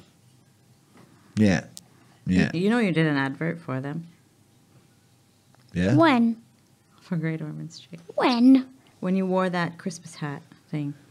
They did that. That was an ad. Yeah. Uh, wh- when you hear that you you're gonna need to do some surgery or need to go back to the hospital, I mean, recently you had to go back to the hospital, right? Yes. You were in Gozo. Mm, no, I was in Mater No, the Dei. first time. when The first time, yes. Then I had to go to Mater Dei. Uh, so you, but you were on like you were having a vacation in Gozo, if, I, Mm-hmm. if I remember correctly, Yes. and then and then you needed to go to the. And then on the day we were supposed to leave, I got admitted to the Gozo hospital. And then on the fo- on Saturday, which was the day that we were supposed to be in Malta, we ended up leaving on Saturday. And like uh, when that happens, like Mm-hmm. that unexpected moment when someone goes, "We have to go to the hospital," Henry. Yeah. What goes on in your head? So there are these three or four things that go on in my head. Oh no, we have to go through this again. And the next one is okay, let's go. That's two. Okay, two, Two things. fine, two. And then you go. And then I just go. And do you want people to let you know exactly what's going to happen? Yes. Why? Because I want to know the truth of what they're gonna do. If I don't know or they try and baby word it, I turn into Hulk. Good. Good. Why do you want to know the truth? Because what if they, like, say that, like, for example, I'm going into going to an operation. Like, okay, like, okay, Henry, we're gonna take you down to, and you're gonna have a very long nap, okay? And but now, being ten, I know that they're gonna do a surgery. So I just tell them, is it okay if you can refra- try and rephrase that, please? Because you want to prepare yourself mentally, is that it? Yeah, but I already know that they're gonna have to operate me. Yeah. Yeah, yeah. It's very. Look, most people go through life not having that switch, you know, what you have. The that, that's a that's such a talent that's going to get you so far ahead in life. That moment where you go, "Oh no, I really don't want to do this," and then something bigger, more grown up, says, "But we have to." So we're gonna do it. Let's go. Let's go. You're a hero, bro. I only commented once on your thing, like I, I before before I got in touch with your mom. So you're walking, uh, holding that thing. When Uh, you left, when you started walking after the surgery. Ah, yeah. Yeah. It's the this is the, honestly it was the, the first time I came across your story, and um, yeah, the look in your eyes was was uh, not common in the eyes of kids. Like there is a there is I, I- I said it to you before. I say it to you again. There's a there's a wisdom to you. I wish you well, fair soldier. I wish you well. Thank you. All right, man. Let me continue hearing the story from your mom. So Henry, you know what? You're the youngest person ever on the podcast. Oh yeah, by far, we broke the record. By by far. Far, by far. Yeah, yeah, yeah, yeah. My daughter's never gonna let me live this down. yeah. We should hang out though. With Yeah. yeah. you, my daughter, us. We, should, definitely we hang out. we should. Definitely. What would you like to do? Where would you like to go? Where would I like to go? I would like to go to a lot of places. Like, name one. America. Oh no, in Malta. Oh, like for ah, in Malta, in Malta. for like okay. lunch Ah, for lunch. Uh, or playing. ah, playing?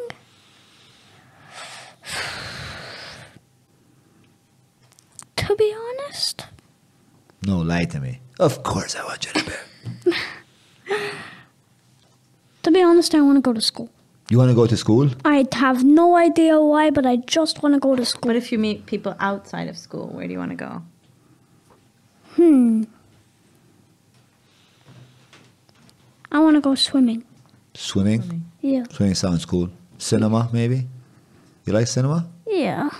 You like laser tag? Yes. You love, yeah, I haven't love laser tag. Hello. Yes, I Have you been? Yeah. Yes. You've been to laser tag? yes. All right. And I've been to paintball. What's your, what do you prefer, paintball or laser tag? Paintball. Really? Yeah. It's more warlike. Yeah, it, you actually feel uh, feel the like when they hit you, it's it's not terribly painful, but you can actually feel like you've been hit. The problem with paintball is that people cheat. Yeah. With with laser tag, you can't cheat. Like, or you're thinking that they're cheating, and now there's a whole bunch of doubt, and before you know it, everyone's throwing rifles around, going, "I hit you, bro!" And then bro's going, "What are you blind?" And then it gets like all, all with, with laser tag. Hey, computers will will deal with that for you. Yeah. So maybe we'll hook that up. We'll like do a, a, a kiddie afternoon of laser tag. Yeah. Yeah. All right. Okay, listen. It's obvious you love the mic. You can stay and I can keep talking to mom. That's all right. Or you can go outside and we uh, we can make sure that you have a, a fun time outside. Okay. How's how's Kylie as a babysitter? One to ten. Ten. She got a one. You got a one. No, she got a ten. Hey, you got a full. Okay, that's all right. Nah, I just I just like being mean to Kylie. no. Just like being mean to Kylie. No. Because she's always mean to me. So I'm just reciprocating. No, It doesn't mean you should be mean to her though. Yeah, because she's a lady, right? It's debatable, but anyway. No. no, What's wrong? All right. There you go. Doors that way, son. Bye bye. See you later, alligator.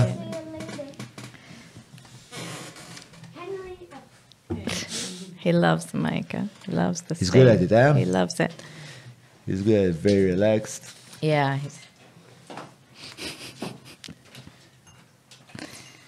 So, uh, would you like a coffee, a whiskey, or some water? I'll just stick to water for You now. just stick to water. I'll stick to Huh? uh, whiskey. Gin, So- no. I, I will have a whiskey later. You'll have a whiskey later. I'll have a uh, some ice, please, and whiskey. Treat. Sure. Yes. All right. So let's see who wants whiskey around all around. Yeah. Uh, you should do archery. And archery is fun, Ah. but also uh, laser is fun. Have you tried Yeah. laser tag in Kordin? I don't know. I loved it. I don't know, but I, I was there with a bunch of uh, my son's friends for his birthday. The, the paintball or laser Uh, tag? laser tag. I got Ah, yeah. way too. And not there's one in Kordin, not at not at Bay Street. So there's one in Bay Street. Same company runs. Oh, there. Sorry, They're about to get a free advert. So they, they, the same company runs the one in Bay Street. They run the one in Kordin, and I think they have some other place. Once we did it in a field for, I believe it was. Uh, ah, it was uh, Jones's is Jones's bachelor party. Uh, yeah, mega mega fun, super Okay. fun, um, and and I don't know what it is.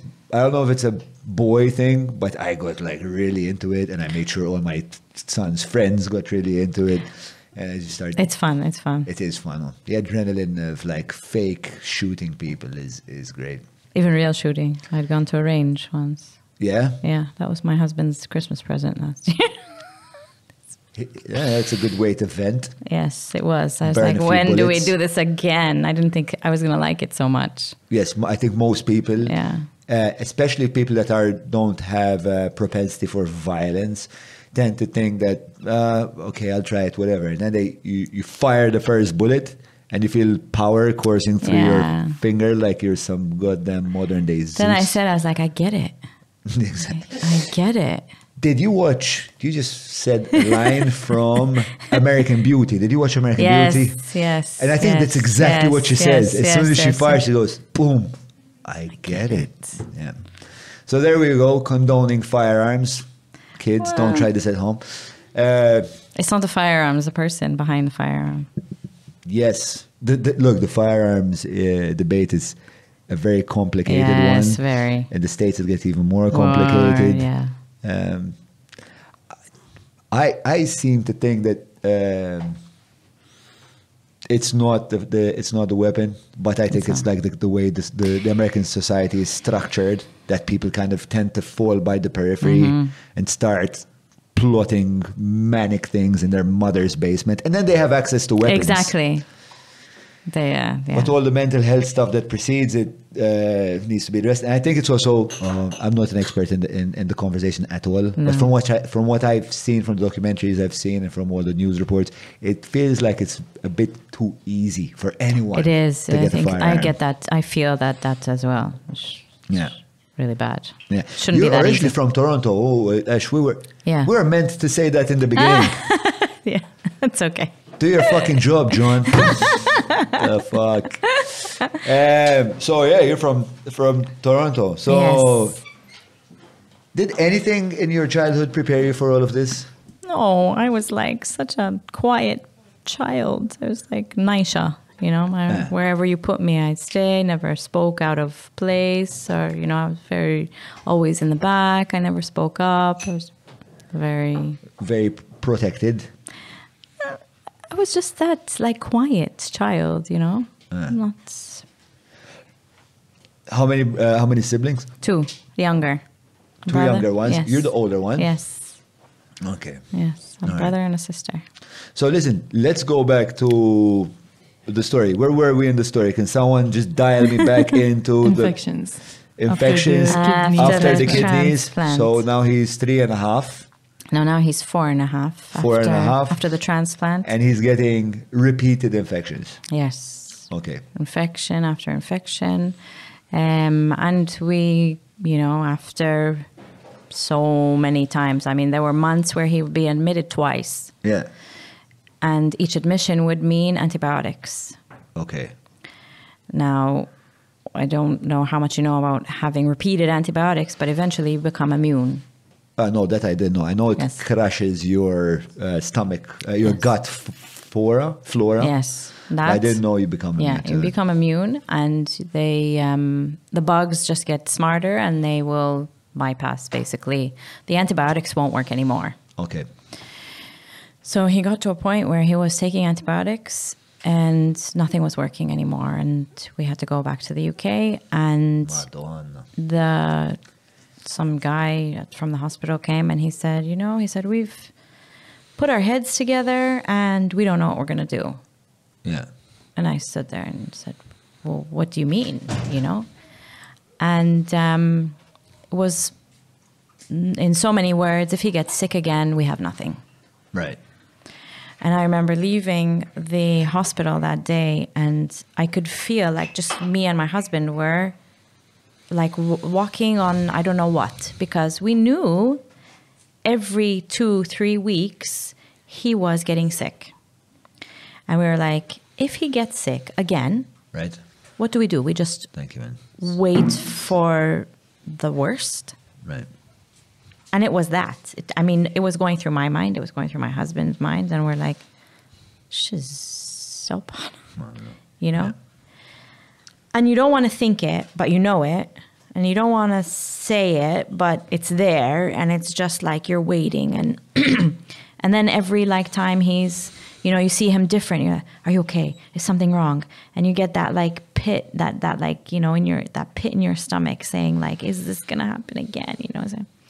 And then I remember there was they they really focus a lot on the mother, how the mother feels, what the Yeah. mother thinks, and they're doing it more here now. They have a tendency to. I remember one of the nurses. She she came and she said, "Well, what do you think we should do?" I looked at her and I was like, "I don't know. You guys are like the the the people," and they're like, "Well, because you know you're with him, and maybe there's something that." We're not Picking up on. picking up on, or maybe you know Wow. something we can try or and i was like i don't know maybe we can reduce immunosuppression a little if it works a bit so because you know in my small mind if you have someone who is severe like is on high immunosuppressants their body doesn't fight what are immunosuppressants? uh, exactly? so he takes medication for Right. his body not to reject the kidney Ilala. So that Okay, means now I get that. Right. that your immune system is low, which is why he would get infection after infection, or even if someone had a cold, H- How long is was he on that for? The- he's still on it. So oh. long as he has, so long as he, he, he has a kidney that is that belongs not to his. someone else. Yes. All right. If you stop that, the body starts to fight the kidney. So Madonna. we're constantly adjusting that as well. So every time Presumably, that makes him vulnerable to all sorts of yeah, other issues. Yeah. So even at school, for example, they would call me and say, listen, someone sneezed in the class. Do you want to come and pick him up? Yes, so I come. Or whatever. Is it the case that uh, just a regular flu can develop into something a bit more Yes. complicated? Yes. and- With him, it's, and it's also, it can be more complicated, or you can't rule out that he has a fever from a flu, or is it a fever because his body is rejecting a kidney? Because that can happen. So it's always. Is you there a way to identify between the two? No, on on my own, no. So when he has a fever, it's like okay.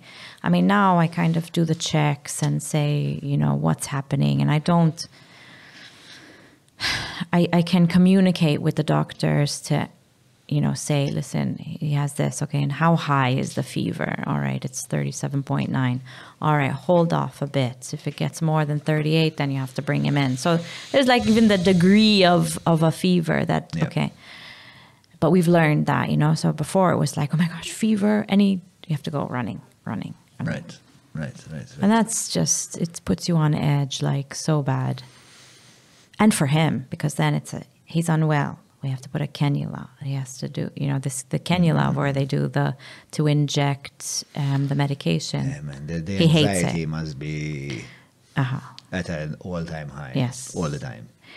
Then I learned, I said, okay, I have to deal with this because before the transplant, I wanted antidepressants Yeah, because I didn't know how I was going to cope with them being in different hospitals, dealing with, I don't know what the outcome is going to be. Right. I knew that I would have to, you know, help Henry recover, but my husband wasn't there. So, yeah. and um, I remembered I got the. it's a very funny story, not funny maybe. I got the antidepressants and I accidentally took more than I should have. I misread the prescription on the box All right. and I was hallucinating. What what uh, what medication was it? I don't. I forgot the name. It Was an antidepressant. It was a, a a pill. So I I was literally hallucinating. I was um I was really tripping really badly, like paranoia. I was in the car with Henry. I couldn't drive. I was seeing like everything, like the roads dropping. I was terrified. And in the evening, I called my sister to tixtajtni. Għata You otna niħu daw. Għalli, xċara. And I was telling her, and she's like, zom wahda. She's like, int kem. I said, I took two. Għalli, two? She's like, you were supposed to take half. Okay. Jesus. And I said, okay, that's it. Threw the box out. I said, not taking anymore. I'm going to deal with this on my own. I don't need it. I was, it's that, it scared me so much that I said, no, I'm not. I am going to deal with it. I take like these herbal drops that really help me. Um, In what way do they help? they calm. What what are the herbal drops? Uh, Bach flower remedies. What what's that? Bach flower remedies. They're How, really how do you spell that? B A C H. Ah, like the composer. Yes, if, Uh, and and and what's what's inside of them? it's herbal. It's nothing. Or original Bach flower remedies? Okay. Ah, okay, so ah, so it's not uh, Bach is not the active ingredient; it's a brand. Yeah, Okay. They're, it's herbal, herbal flo- herbs, flowers. I find them very. So whether it's placebo, I have no idea, but I always have one. If it works, it works. If it works, it works. Um, yeah. But there have been instances where, I mean, I've suffered f- with anxiety for long before Henry, Right. so it just heightened. Um, but I always said I needed to be like lucid to be able to know what's happening because if something happens and I'm not focused, then what do I do? You know, even if a lot of times I'm with Henry mm-hmm. and my husband isn't there, but I like call him and say, listen, this and this has happened, or, you know, some, I have to be able to be able to tell him. I don't know what's going on. Yeah. Was there any point where you thought, like, how do I go on? Il-podcast ta' Jon huwa proġett indipendenti u ħieles mill-influenzi tal-partit il-kbar u l-lobby groups li jorbitawhom. Bekk jista' jibqa' jiġi mtella biss jekk inti tgħin. Jett nappellalek biex iżżur il-ħolqa ta' fuq jew jekk qed issegwi lil mill-YouTube billi tidħol ġewwa patreon.com forward slash John Mallija u tina daqqatit. Tinsiex, il-podcast ta' John huwa l-podcast tagħna l- Bidik ħadwa. Għafa sabru. I remember one particular time when this, this these episodes kept happening, happening, happening, happening. And I just I got on the bus and my husband we were in London and my husband said, Go out a bit. He said, Yeah. just just, you know, so get away. Hmm. And I got on the bus. I didn't know where I was going. And I was on the side and I was saying to myself, I'm not gonna go back. I'm just gonna stay on this bus. Don't care where it takes me. I don't and I for that, like so 30 seconds, hmm. and it had never happened to me before that I was, I don't know, I wanted to run away. I, I had never felt that, but I was so tired of in and out of hospital, no answers, no nothing that we could do. I didn't know what was happening. She said, I don't, I'm not going to go back. I'm, I'm just going to stay on this bus. I don't care where it takes me. I'm just going to stay. And then, and then, no, obviously I didn't, but it crossed my mind. It crossed your mind, and how far did that bus go? I don't know. And then, and then, in fact, I got off and I was like, I didn't know where the hell I was. and then I was like, oh yeah. So I get into these, like, when it's very like heavy. It's hard to explain, but I. It's like that saying, you know, it's such a dunya. But I just feel like I'm in this bubble, and I feel like I. I don't know, like, come at me hit me. I'm not going to feel it. It sounds like a bit weird. I don't know. Or I'm, I'm not being like. But well, you've been to a very not weird place, but a place that is not common. So you obviously feel kind of weird, thi- like not normal things, because your uh, your story is not a, a regular one. You know, so obviously, what you're processing is not normal. No. right? so, yeah. So I, you know, when even when he's in the hospital, I go out and it's like I feel like a zombie, yeah. And I feel like floating, but like tipo, if if a car would hit me, I probably just like I feel nothing. Feel I f- and that has really changed me. Even that has mm. changed me because I feel like I've become devoid of certain emotions, certain like sometimes there was a time, for example, he he pointed out to me. He's, he said, "You're very cold, mummy. You don't cry." Hmm. And th- that really struck me really uh, hard because I was always a very overly unsee, overly hmm. emotional person. But then there were so many years How, how do you view this development as a? I hate it Oh, you hate it. Yes. Okay. because it's not me. I'm hmm. I'm very warm. I'm very loving. I'm very very emotional. I consider myself a very emotional person, but I cannot cry anymore. It's hard. Like sometimes now in this admission, when Henry was in the hospital, I was not forcing myself, but it was I was letting it. I was hmm. saying, "Okay, cry, cry, cry." Mom, but it backfired because then he would be upset, and then he would go. He would start to cry. He'd see me crying, and going, "I'm gonna be okay, mommy. Don't cry, don't cry. I'm gonna be, I'm gonna be okay." And I'd be like, "La la, man, I can't just fucking get this right, man, because now he's he's seeing me cry.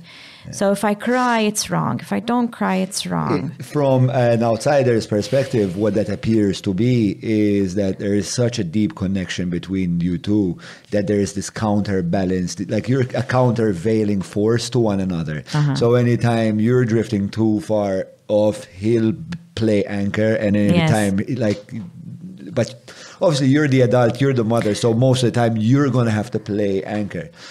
It's obviously very um, you know, we all like to feel the emotions and we all like to feel um, love and warmth, especially if we're used to feeling Yeah. those emotions. And I didn't want to show him. And then I said, Does he feel like it's not good to cry because I'm not crying? Does he feel like he shouldn't cry? I don't want him not to cry. Um, and then, I mean, this time he, I, he's sometimes I'll. He did struggle with crying because, in fact, I would tell him That's he would like want to cry and he'd be like, but I can't, but I can't. And I'm like, okay, just try, just try. Um, no, but then it was like, you know, he sees me crying, he stops crying. Mm, mm, mm, and that took strength as well from him because I knew like this time, this admission just. I mean, every time, for example, so when he was sick, we had, we we went in and they said we have to do an NG tube, and I'm like, my heart sank. The NG tube is the nasogastric tube that goes in through his nose, the back of his throat, and into his stomach. And when I told him, I was like, okay, it's not nice. And when I tell him that, already he is, he puts up his armor. It's okay, mommy. And I'll be like, you have to get an NG tube. And he'll he'll cringe. And I'll be like, it's okay. And he doesn't want, even when he does the bloods or whatever, he doesn't want that, you know, holding down or that, like, you know, I'm just there behind, he sits on my lap, I'm there, he knows I'm there, but that's all. He doesn't need or want that, like, suffocating, whatever. It's like, I, I can do it. Even so, when he did the NG tube, he's just sat there and froze. And I'm the one that started crying because I saw like this in, incredible, like, how do you say, self like power, not power in the sense of, but this, Resilience, maybe? that, yeah, that, this resilience of, but even in that moment, if, and I'm going like, if it was me, la la man kuntu. Ah, yeah. And even them, the nurses, they're like, we do this on adults and they don't sit still like you did. Yeah. And this one admission, he had to get it three times because he was get well and they'd pull it out, thinking that he's gonna. Then he gets sick again, and they'll be like, "We have to do it again." And every time he would just stay there. He'd hate it; it's horrible, and even just the time he has to stay with it. Yeah. And I'm telling you, I, I, I tell him, "You're you're really brave. I wouldn't have handled it like Yeah. that. I wouldn't have." I mean, where he is now mentally, I don't know how many books about Stoicism and Marcus Aurelius diaries people read, like late into their adult life, and they're they don't get there. You know who gets there? Like someone like Chopos gets there, like boxers get there. Some uh, people that are just like interfacing with like the harshness of reality. I, I, I'm t- I was so fascinated, and just for me to be faced with these instances and these things that he says. Do you worry that he's like in some in some uh, elements of himself, there's a part of him that is already a man. Yes, I, it, it's hard. It was very hard to deal with that because I, I love you know childhood is so beautiful. There's like that innocence, and it's like he doesn't. He didn't have time to have that innocence. Hmm. He he he had to grow up very quickly. He doesn't even know what it is. I mean, he can. Obviously, he has these moments where he wants to play. Hmm. But even you know when you ask him what do you hmm. like to do, he doesn't even. That's Ali kan għajda All right. Ta' All right. ko għanna dal-ħessil kollu ju. Bum, Bum. kisser kull mo.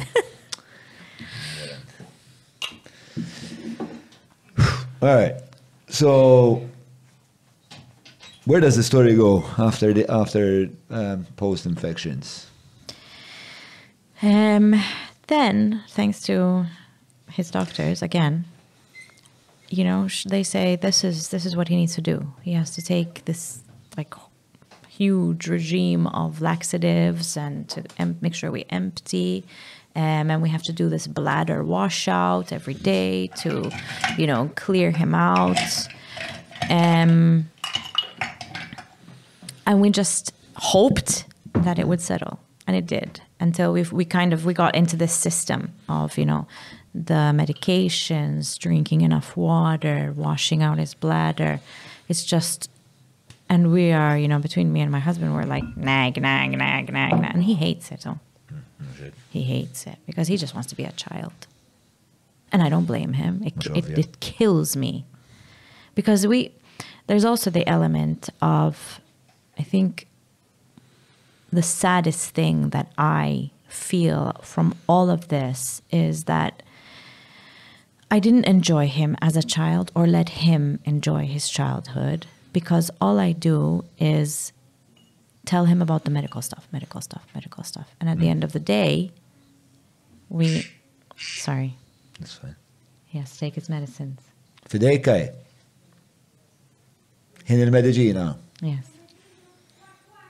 Quack quack. Doq il-pabra. Um, and I started to realize because when he's taking his medicines, we have his catheter, he drank his water, and we're lying in bed at that, you know, whatever time it is. And we joke and we laugh and we, and I'm like, it's not fair because I spend the whole day and then he'll tell me, You're funny, mommy. And I'm like, He's like, How come you're not funny like this in the day? I can't. Because you can't, though. I'm I'm doing everything for me, for you to survive uh, we have no there, and I hate that we have no time for me to be the person that I want to be with him, the one I want, the mom that I wanted to be, the fun mom, the you know, because we play. Like my my husband tells me, "Iskom zawġ tfal, mhux wieħed għandi tnejn," because I get very playful. I want to, you know, do things. I joke. Yes, let's do this. Let's do that. Then we'll be having fun, and even that. I mean, sometimes I'm like, "Fuck it, I don't care." You know, I'm just gonna do whatever I want. And my husband, isma, għad baqalu fl-xkun il-madam, bat nibdew nġied.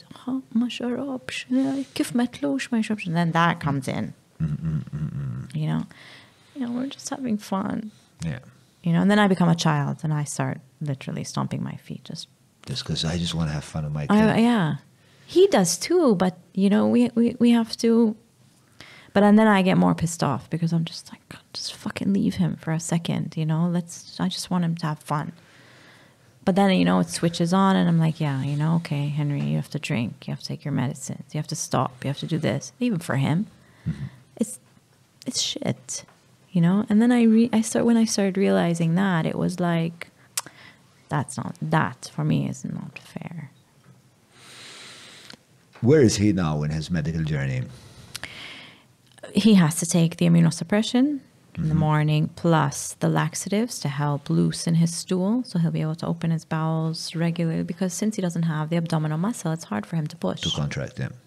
so even when he was younger and he had to poo he'd say like mommy squeeze my tummy and i would like help physically push his tummy to for him to poo um he takes his medicines. We i'm trying to kind of give him the independence to you know take them but it's a struggle because i prepare them and they're you know he knows and sometimes if he if he goes to scouts we'll label them and you know hope that he ta takes them. He has to drink his water. Um but you kind of there's like this time where you have to let go and trust him Yeah, Mashak. but he's still a child Yeah. he's only 10 Um, you know, we started this podcast and you kind of described to us why you chose to call the channel uh, a bird with a french fry. And it's because we, you know, the, at the core of what you're putting out there and what you're telling people with that with that name is that us as human beings, our species, we tend to um, complicate the road to happiness. Has this difficult journey that, that you've been made to endure? No, that you've endured, because there were points where you said, "Oh, I wanted to go away," but you didn't. Uh, has any of that explained a simpler route to happiness?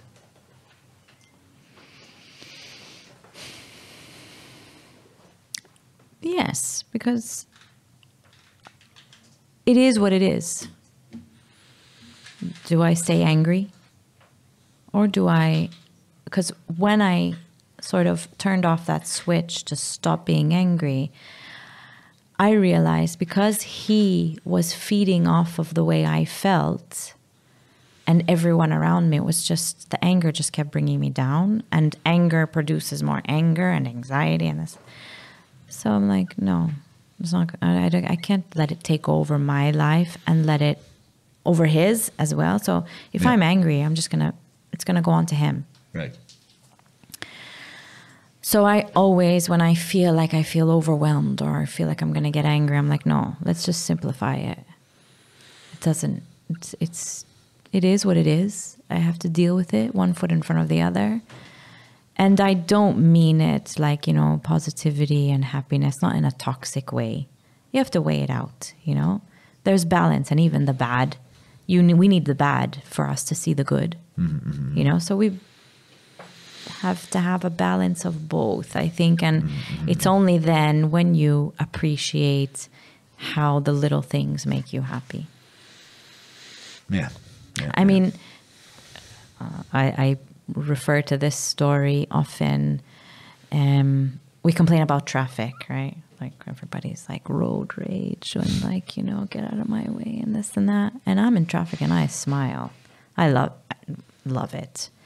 Like it's a matter of like yes, it is. It's there. Can we do something about it? Not really. I have to get somewhere. I get in my car, just go And so many times I've been in traffic and just say, I'm happy I'm in traffic I'd rather be in traffic than sitting in that fucking blue chair next to my son's hospital bed. It's traffic. So it was the it, your interface with the darker elements of life that showed you a faster or a less complicated way to peace. Yes. It really gave me an internal peace, whereas before I'd be like, oh, no, everything has to be like this, that, and the other. And no, it doesn't. What, what does that really mean? All that stuff having to be. Why is there? Is there a competition? Is there a race? Is there. Yeah. Life already throws that at you, whether Yeah. even when you don't want it. So why do we have to add to it? Mm-hmm. Yeah, sure. You know, we all want nice cars, we all want big houses, and we all want like all the nice things. But in the end, is it mm. really what's important? Because I've come, I've seen the other side of shit. Like, he's really unwell. They don't know what's happening. I was unwell. I don't know what's happening. None of that matters. None of it. Even in the hospital now, you know, how many messages people were messaging me and saying, Does he need anything? Does he want anything? Do you need anything? And I'm like, No. And I would say, Henry, is there something you want? Even I was trying to fulfill. Some desire Some- of him so he could feel He said, Mommy, I want to I want to eat and I want to go home. That's it. What does that give you? Sharing your story. I mean, you've just you know been on this podcast. We've completely shared in the most transparent way for audience that weren't here before the camera cameras rolling. Obviously, uh, I said, listen, if there's any question that I ask, because I'm um quite a you know I'm no I'm nosy. It's my beard. um, and also my face. Apparently, they keep telling me. Um, like I said, if there's anything I ask that you don't like, like you can just say, I don't want to answer that. By the way, I only give her and you know these kinds of podcasts that opportunity. when politicians are here, is a different story. Um, yeah, and, and you at no point did you say, listen, like you're very open about um, about what what you're on. What does that give you, and what do you hope that gives uh, people listening?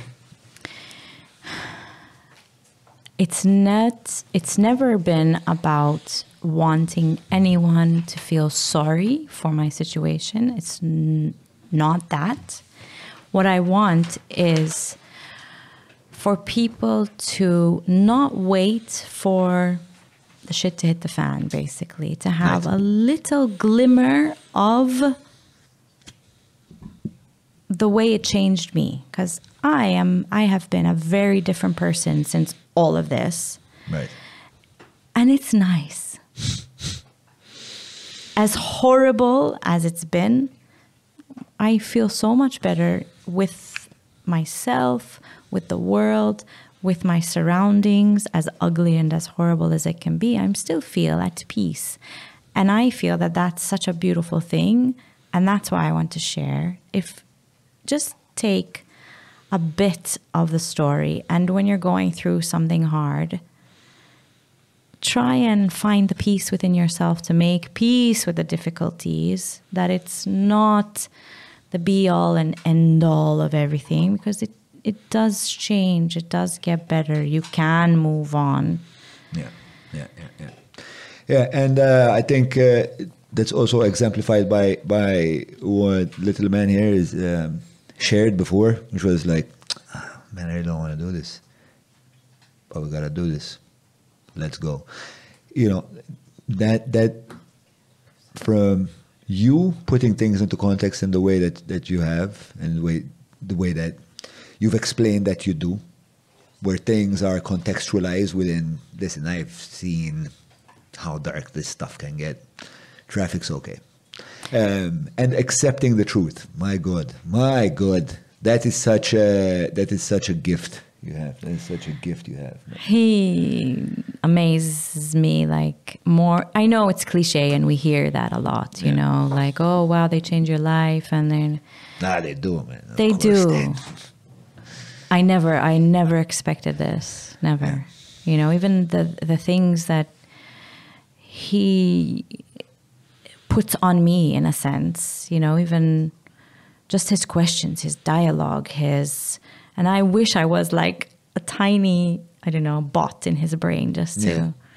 you know, even this last again, this last admission where he was ready, getting ready for surgery, and they're putting in the other cannula, and he's sitting there and he's on my lap, and he says to the doctor, "Tell me the risks. Tell me what's going to happen.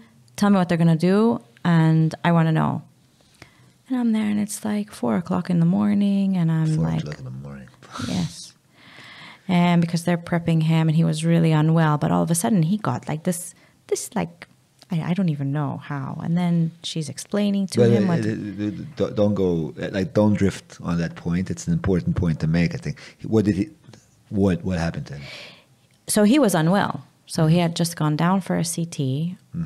The results of this of the scan said that they came to the conclusion and decided, you know, we need to prep him for surgery for eight o'clock. Right.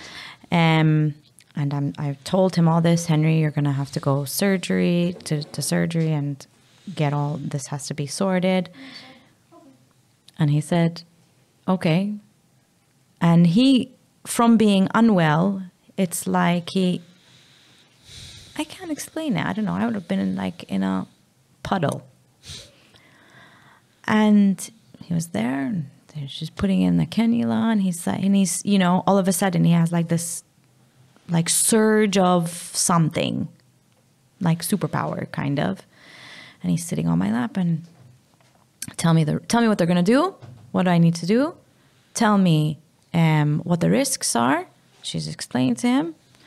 And I'm there going, okay, I'm, I'm glad I gave this child a voice, but. and then he says, and can I die? And the doctor didn't answer him because you just can't answer that. And I started bawling my eyes out. And he turns to me and he says, It's okay, mommy. They're good here. You know how good? You know how much they take care of me here? It's like they're really good here. Don't don't cry. Don't worry, mommy. I'm gonna be okay. I'm gonna be okay.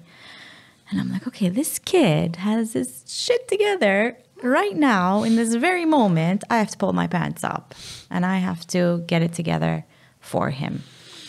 But I'm still waiting for my answer. I'm still waiting for my answer. They can't give you an answer. Does that mean I would have died? No, it means that it was one of the risks. There's always that risk, I guess, when you're doing surgery. That's what they tell you. Yeah. All right, listen. So let's get to. Um, so let's get to uh, questions from our Patreons. Okay. Um, yeah, but before uh, you've had your a sip of the whiskey, Yeah. okay, I was waiting for you. Again, I never generally wait, but okay. Cheers. Cheers. I started drinking. Oh my god, I am getting tummy full. Let me stand up straight. Il-patruni jistaqsu mid-ġuba lilkom il-bibtana tal-Maple, speċifikament mis-sourdough tal-Maple li nġbu għawek anka biex nitemaw lill-patruni u l-tim u li li u kol. Kull nar ta' sibt fil-ħodu għamlu l-midġa ta'kom għand wieħed mill-wieħed tal-Maple fej tista' sibu sourdough ta' kull toma eh, din nippreferi dak ta' tal għaddet ta' zebbuċ eh, u anka sourdough plain dawk ma' favoriti tiegħi. Hobbu ħafna toma vera vera vera tajba aktar minnek il-GI huwa vera bax allura ma, tesperjenzax dak l spike eh, tal-insulina li kkawża tkun għajjien u letarġiku mandek le tiekol kemm titħobs Umbat, tkompli bil-ġurnata tijak. Ma, ħankomplu, il-patruni jistaqsu jien u Lorinda Mamo. Alright, so first question is from, from Eleanor. And she's asking, uh, what are your coping mechanisms? Yeah, let's start there. What are your coping mechanisms? I look at the facts. What do I know? Because before I used to Google, that was like the biggest and worst thing, and I don't do that anymore. Um, I ask the questions. So before I like kind of jump to conclusions and like, you know, panic, I say, okay, what do I know? What are the facts? What do I not know? Who can I ask? Right. Who's going to tell me what? Right. I'll cope so long as they have answers. When I when they were unclear or unsure, that's what was very much harder for me to deal with. But I cope by knowing the facts, knowing what's happening. Yeah. Any, but you also mentioned to me last time you do um, creative stuff. Yes. So I I love crafts, Is all that like sorts your of crafts. outlet? Yes. Okay. Yes, yes. I love anything craft, sewing, any kind of anything I can do with my hands. Anything. Um so yeah, I, I notice like if I'm feeling particularly anxious or, you know, all over the place, I just say, okay, sit down and make something, anything. Just do something with my hands and I I feel like I re re recompose. That's how you recenter Yes, I reset. Yeah. When I was a kid, I uh, somehow I, I, I had stumbled upon, I, and I was uh, a very energetic child. couldn't couldn't focus on anything, uh, but I had stumbled upon uh, drawing uh, characters from Disney. And the calm. I used to sit there for Yeah. like four hours just drawing this fucking character. Sorry, sorry, So- kid. I'm a terrible role model. Yeah.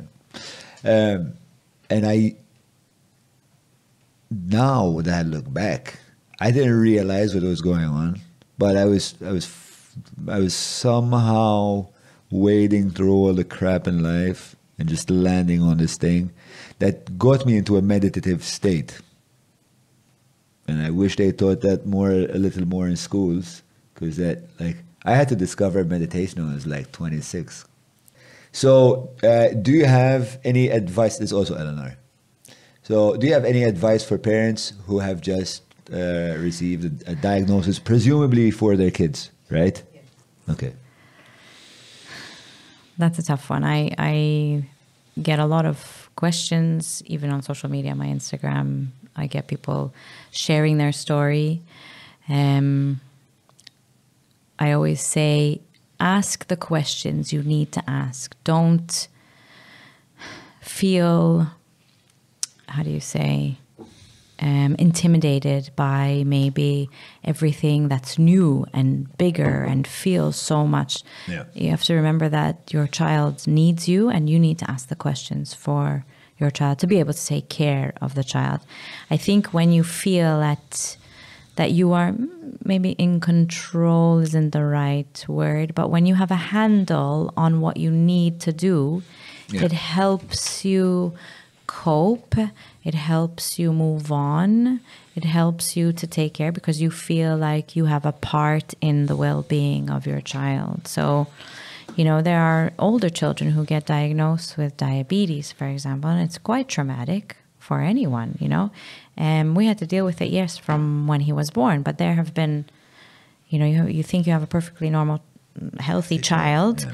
and then out of the blue, something happens, and it can be very devastating and traumatic. Yeah. Um, yes, ta take handle of their treatment. Ask Yeah. the questions you need to ask. Uh, education is power. I feel, um, and where you don't know, try and learn. My formal background has was in sciences. While I was very, I'm very creative. But growing up, no, you can't have a job in art and design because you, you know, you have to be a teacher, a doctor, a lawyer. So, fine. It was the '70s. It's okay. And my parents were very young. Generally, though, the, the complaint is that they tell women that, you know, no, you can't be a scientist, you're a woman. you No, know. no. But that wasn't the case. No, it wasn't the case. It was yes, drawing is cute, but it's not going to pay the bills. Yeah. Um, so my formal education has been in sciences. So I have an understanding of like you know bio, and I feel thankful for that education because it's helped me.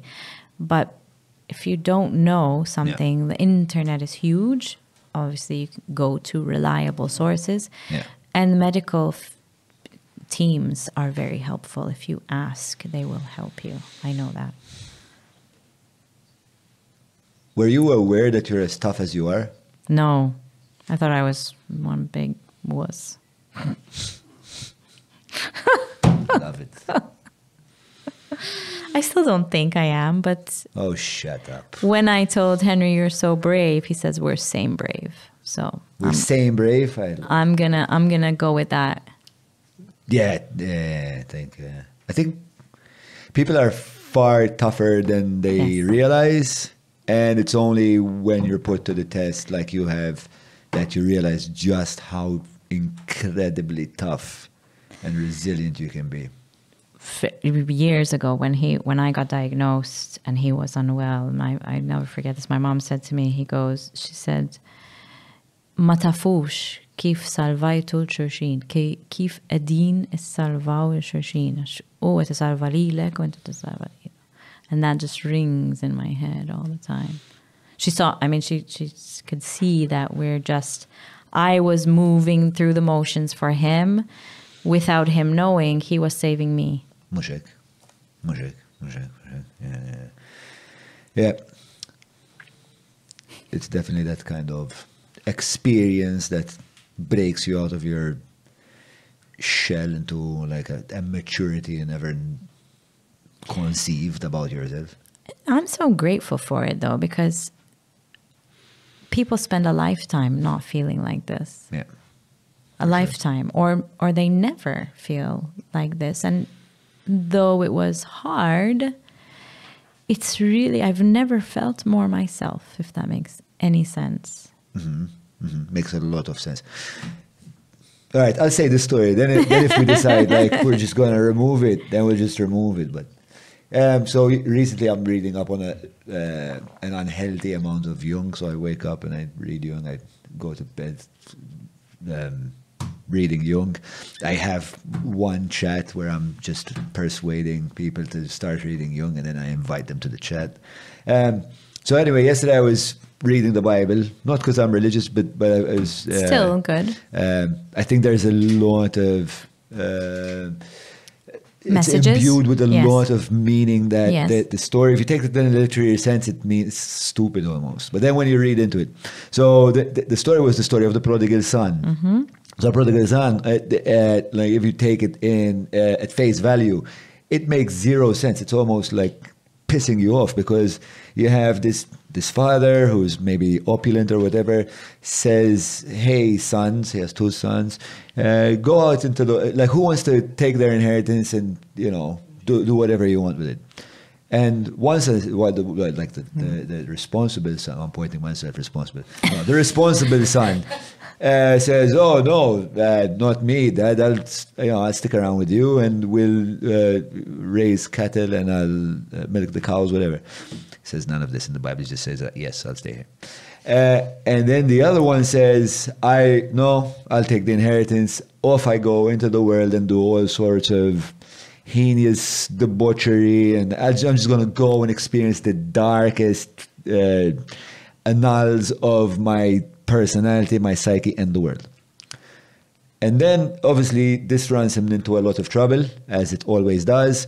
He realizes, shit, I need daddy's help because he can't eat. He's broke. All his friends betrayed him. So he goes back to his dad. And the dad meets him at the gate and says, Oh, amazing, you're back. Uh, let's kill the fattened calf and have a big feast for the son. And obviously, the son has been around the whole time. It's like, what are you doing? What the hell are you talking about? Like, I've been here the whole time. He's, he's been off squandering the inheritance, money that you've earned throughout the entirety of your painstaking life. And now we're throwing him apart. It's like, yes, yes, because because he was lost. That's where we get the line. He was lost and now he's found. Found. Right? From a Jungian perspective, what that means is that the father is the psyche, is like the entire psyche. The, the, the, the responsible son is what I guess Freud would call the, the superego. It's like, uh, I should be responsible. I should, you know, keep things under control. I should do what's demanded of me. But then there's another part of us, which is the dark, which is the dark part of us, which is the, the, the, the dark part of humanity. And until, as a human being, as a single human being, you integrate all of those parts, you are incomplete. So, what the psyche is represented by the father is celebrating is the integration of the shadow into the psyche. And now I am whole. But what that means is you can't, you you almost you cannot be a full person without having visited the dark side. So yeah, I'll get cracking. Uh, no, don't get cracking. Keep it all under control. All right, so listen, Kylie uh, has a question for Henry. Could you come back over here?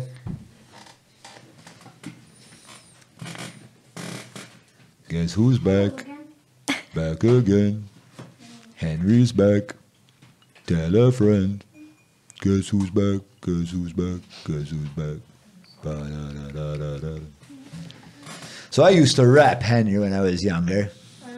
Really? When I still had a hairline. really? You like rap at all?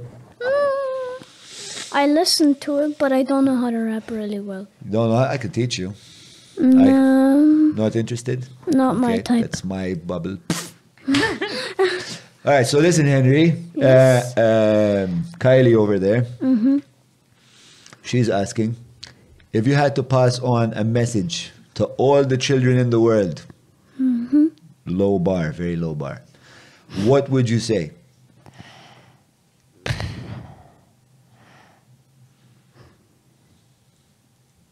We can start with like Jon's amazing. it's it's always a good like go to that whenever in doubt. Don't forget that no matter what you go through, you're always going to be the one leading this journey or adventure. Oh. I know. You have no idea how wise that is, bro. There's a guy called Jiddu Krishnamurti. I don't know. I don't know if you know this guy. No. So Jiddu Krishnamurti, let me tell you a quick story, and, and then we can wrap this up, and then we can go. Um, I can go clubber you at basketball. No, I think. I think it's the other way around, but that, that we won't Yeah. tell our, my audience thinks I'm cool. Shh. Shh. so listen, uh, there's this guy called Jiddu Krishnamurti, and Jiddu Krishnamurti was. Uh, I'll give you the short, long version. So he was playing on a beach when he was kid, a kid about your age, right? Yeah. And there was like this boat of very rich people coming into. I believe it was Goa. Goa is like this place in South India. And for some reason, they, they decided that this kid is the Messiah. Okay. You, the, you know what the Messiah is? Like the god? Yeah, like the guy that's going to save humanity, right? Okay. For some reason, they decided that. But anyway, so they take him back to, to the to the United States, and in the United States, they give him an education. I think they sent him to Oxford as well, which is on the other side of the pond, and they treat him like he's royalty.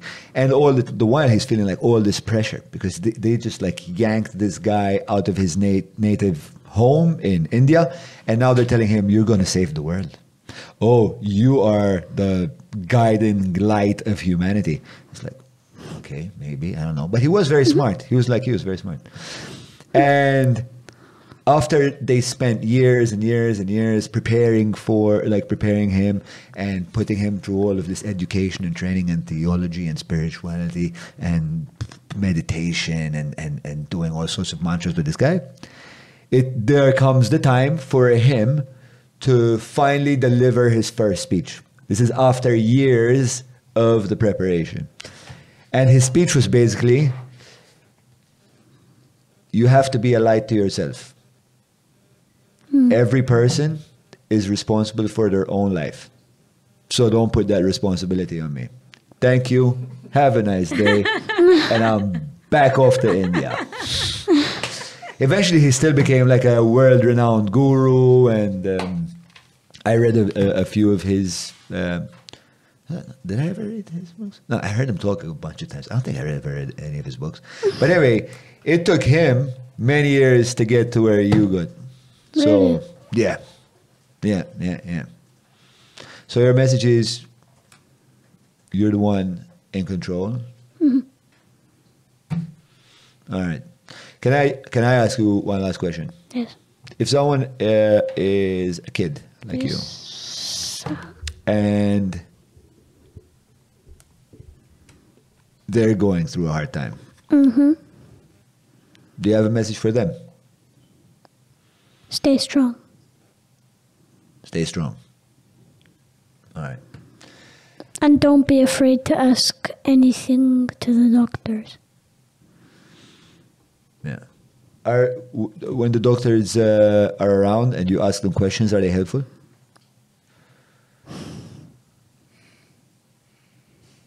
Yeah, you can be honest here. Yeah, you could. Yeah, you, can You- tell you him. Don't need told to- him. this I is- told him. Yes, but no. Yes, but no. Okay, tell me more about that. I'm interested. So, like, they give me the, f- they give me, like, a part of it, hmm but then the rest they don't tell me. Which part did they not give you? I don't know. I don't know what part. But you just feel like you don't get the whole script. hmm They leave parts out. Yeah, I So just just- feel like they leave parts out. You just want them to be more truthful, huh? hmm Because you can deal with the truth. Yeah. You're strong. You're very, very, very, very, very admirable. Very admirable. Okay. So Adele has a question that's for who? Stick around, stick around. Yeah? Okay. Four? Oh, Okay. Okay. The first one? Okay. So Adele is asking Okay. uh, Have you learned to listen more to your own intuition? What's an intuition? Okay, Ad- Adele, explain intuition now. Okay, this is this is harder than I thought. So, so as that. So, like, do you know what a gut feeling is? When you think something, When you like Ah. have this knowledge you have out a of feeling of something. yeah out of Ah, nowhere, and then you know it's uh-huh. like the right thing to do. Ah, yeah. Yeah, I get hmm Do you have that? Do you have that? Do you ever get that feeling?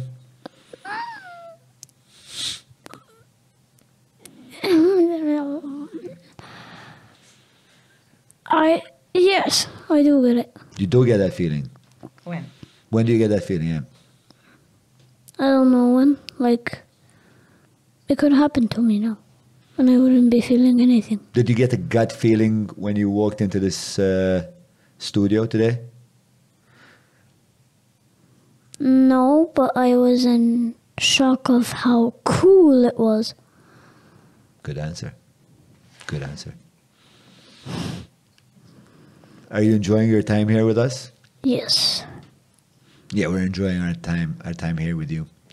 So Adele has a another important question. Ask away. What's the score gonna be like when you beat Jon at basketball? I feel like that question is loaded, and I also feels like it's making some foregone conclusions. 100 0. It hurts, I feel like you listen to your intuition there. yeah. and I feel like I'm gonna have to learn how to deal with the truth. So on that semi-positive note, uh, you guys have a final message for our audience. I'll start with I'll start with you, Henry, and then I'll end with your mom. Hmm. You, what do you call her? Mom, mommy, ma, yo. Yo. Sometimes when I don't feel like saying mom, usually I just say, Ma, Ma. Very I want a snack. I hope you say please at the end of that. Please. If you're reminded, you kids are around this time. Uh, Yeah. What is my my daughter calls me? No, my daughter calls me daddy. Yeah, daddy or pa. The old one just calls me ugly. I feel that's unfair. That's unfair, uncalled for, uncalled for. I have feelings. but does your younger daughter love you? I believe so. I'm mm. sure she does. But I don't think she loves me as much as I love her. I don't think that's possible. Mm. Yeah, oh. that's the truth. Mm. But I'm so happy to. It's such a blessing to be able to have the privilege to love your child. Yes. I agree. Yeah, you're the one being loved. Cheeky butt. Cheeky butt. All right. So, um, did he give us a, uh, a, closing statement, or did you just say he's going to trash me at basketball? Bizjet minn 20 sena esperjenza, ISS joffru għażla kbira ta' dwal, plakek, suċċijiet u aċċessorji elettriċi ta' kwalità. Żurhom ġewwa showroom tagħhom fl-imrieħel jew nkella fuq iss.com.mt. Mawra salħadnu ta' Derek mux tranzazzjoni kif ġibu laħa, fejn apparti tinqeda blifjen kwalità se tiġi mejjun sabiex issawar l-arfin tiegħek dwar dak li qed tiekol u titma' lil familtek. Biss jekk m'għandekx il-ħin ta' disa fejnhom il-belt, ibad WhatsApp lil Derek fuq 9986-6425 biex waslulek ix-xirja fuq l-adba. Do you identify with that bird with the french fry? I've actually been So I get you, uh, we have to Yes. move the mic close, closer. I have been contemplating changing and just changing it to my name. Um, Just Lorinda Mom, right? yes. How was that pronounced in Canada? Was it like No, but I'm. Mo? But Ah, shouldn't be sweet. mm, yes, I Yeah. was Ne? Thelma. Teuma, Telma. Theuma in Canada. Oh, Canada. God. Theuma. Cringe. Mo- most things he can't accept. It's a, Theuma try, is- it's a try not to cringe challenge now. Theuma. Theuma. Right. So, so you were uh, making the consideration of Yeah, but it just it's just so much of a so much a part of me that I'm just Yeah. like mm, I don't need to change it. I love it, to be honest. like when Kylie explained to me what it meant. I love these things that are imbued with layers Yeah. of meaning. And it's a great story. Yes. It's such a great story Yes. because it, it, it uh, it's something that caught your eye when you were younger and you liked it. You didn't really register what it No. means completely. And then later in life, it's like, that's what that meant. And no one will ever, after watching this, look at a bird with a French fry ever the same again. For sure.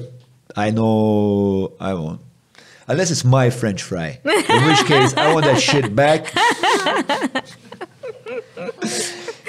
so, do you have a, a closing message for uh, the people listening to us?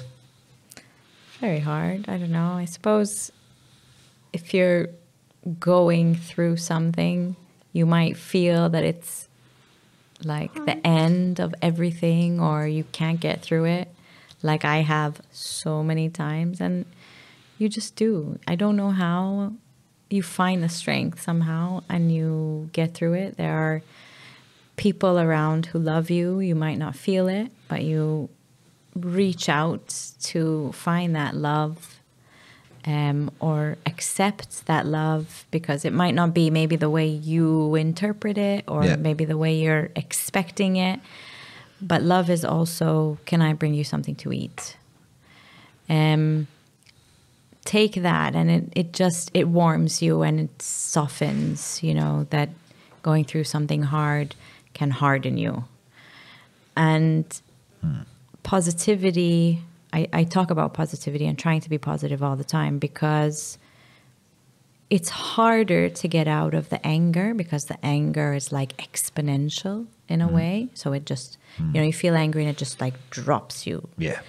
But we have to actively work at being positive and happy because it's like I feel like it's going like you're going to the gym. You train your muscles and you build. I feel like over the years I've trained my mind. Doesn't mean I don't get sad. Uh, it's not in a toxic way. Um, but I feel like I have um, I have like an armor, and I can say, okay, I can pick up that armor and say, okay, it's time to make peace with what's happening. And yes, it's crap and it's shit, and I know what's happening, but I'm not gonna let it pull me down. Um, the analogy that I liked to use with Henry to explain that is that like our mind is like a garden and we like a garden in, in nature can get full of weeds and like those weeds are like our bad thoughts it's normal it happens Yeah. it's part of the process of life and growing mm-hmm. and It's incredible. yeah. but we have to let it grow like like a natural process but then we have to effort we have to put effort into pulling that weed out because if we don't then there's no space for the flowers Yeah. Yeah. And the acceptance of the weeds because we're human, exactly. It's they're going to sprout. yeah so don't i mean like we know in normal you know the weeds if you let them they'll take over. Yeah. like the bad thoughts like i've had very you know and if you let it take over they take over really quickly quicker than flowers. So the flowers you have to nurture you have to you know help them. And for me it's like those that's those are the good thoughts you know? We have but we have to nurture them All right. Thank you very much for sharing your story. Thank you for having us come here. It was a true honor. thank you Thank you. You're a natural. All right. Uh, Patreon.com forward slash Jon Mallia. If you'd like to support uh, this podcast and continuing to um, deliver this kind of content, tell these kind of stories, have these kind of difficult, um, heartwarming, beautiful conversations that are difficult, but just so bursting with love. Um, and it's encouraged me, and I'm sure it's given a lot of it's heartened a lot of people that, that people have listened. Um, so thank you for that, thank guys. you thanks for having Solid us stuff. Solid stuff. you. So I'd like to thank uh, the, the sponsors of the show, and that's uh, Hungry Hippie, Vina Capricita Abram, uh, Browns. I'd like to thank uh, Maypole um, for providing the, the sourdough, Aphex Media, GSE Technologies, ESS Elektra, uh, eCabs for bringing me over, bringing our peoples over here. Uh, I'd like to thank Cutrico, uh, also Garmin, and Derek Meats, 996-645. Thank you very much. Uh, you've been a wonderful audience, I'm assuming, because I see none of you. Have a good night. Good night.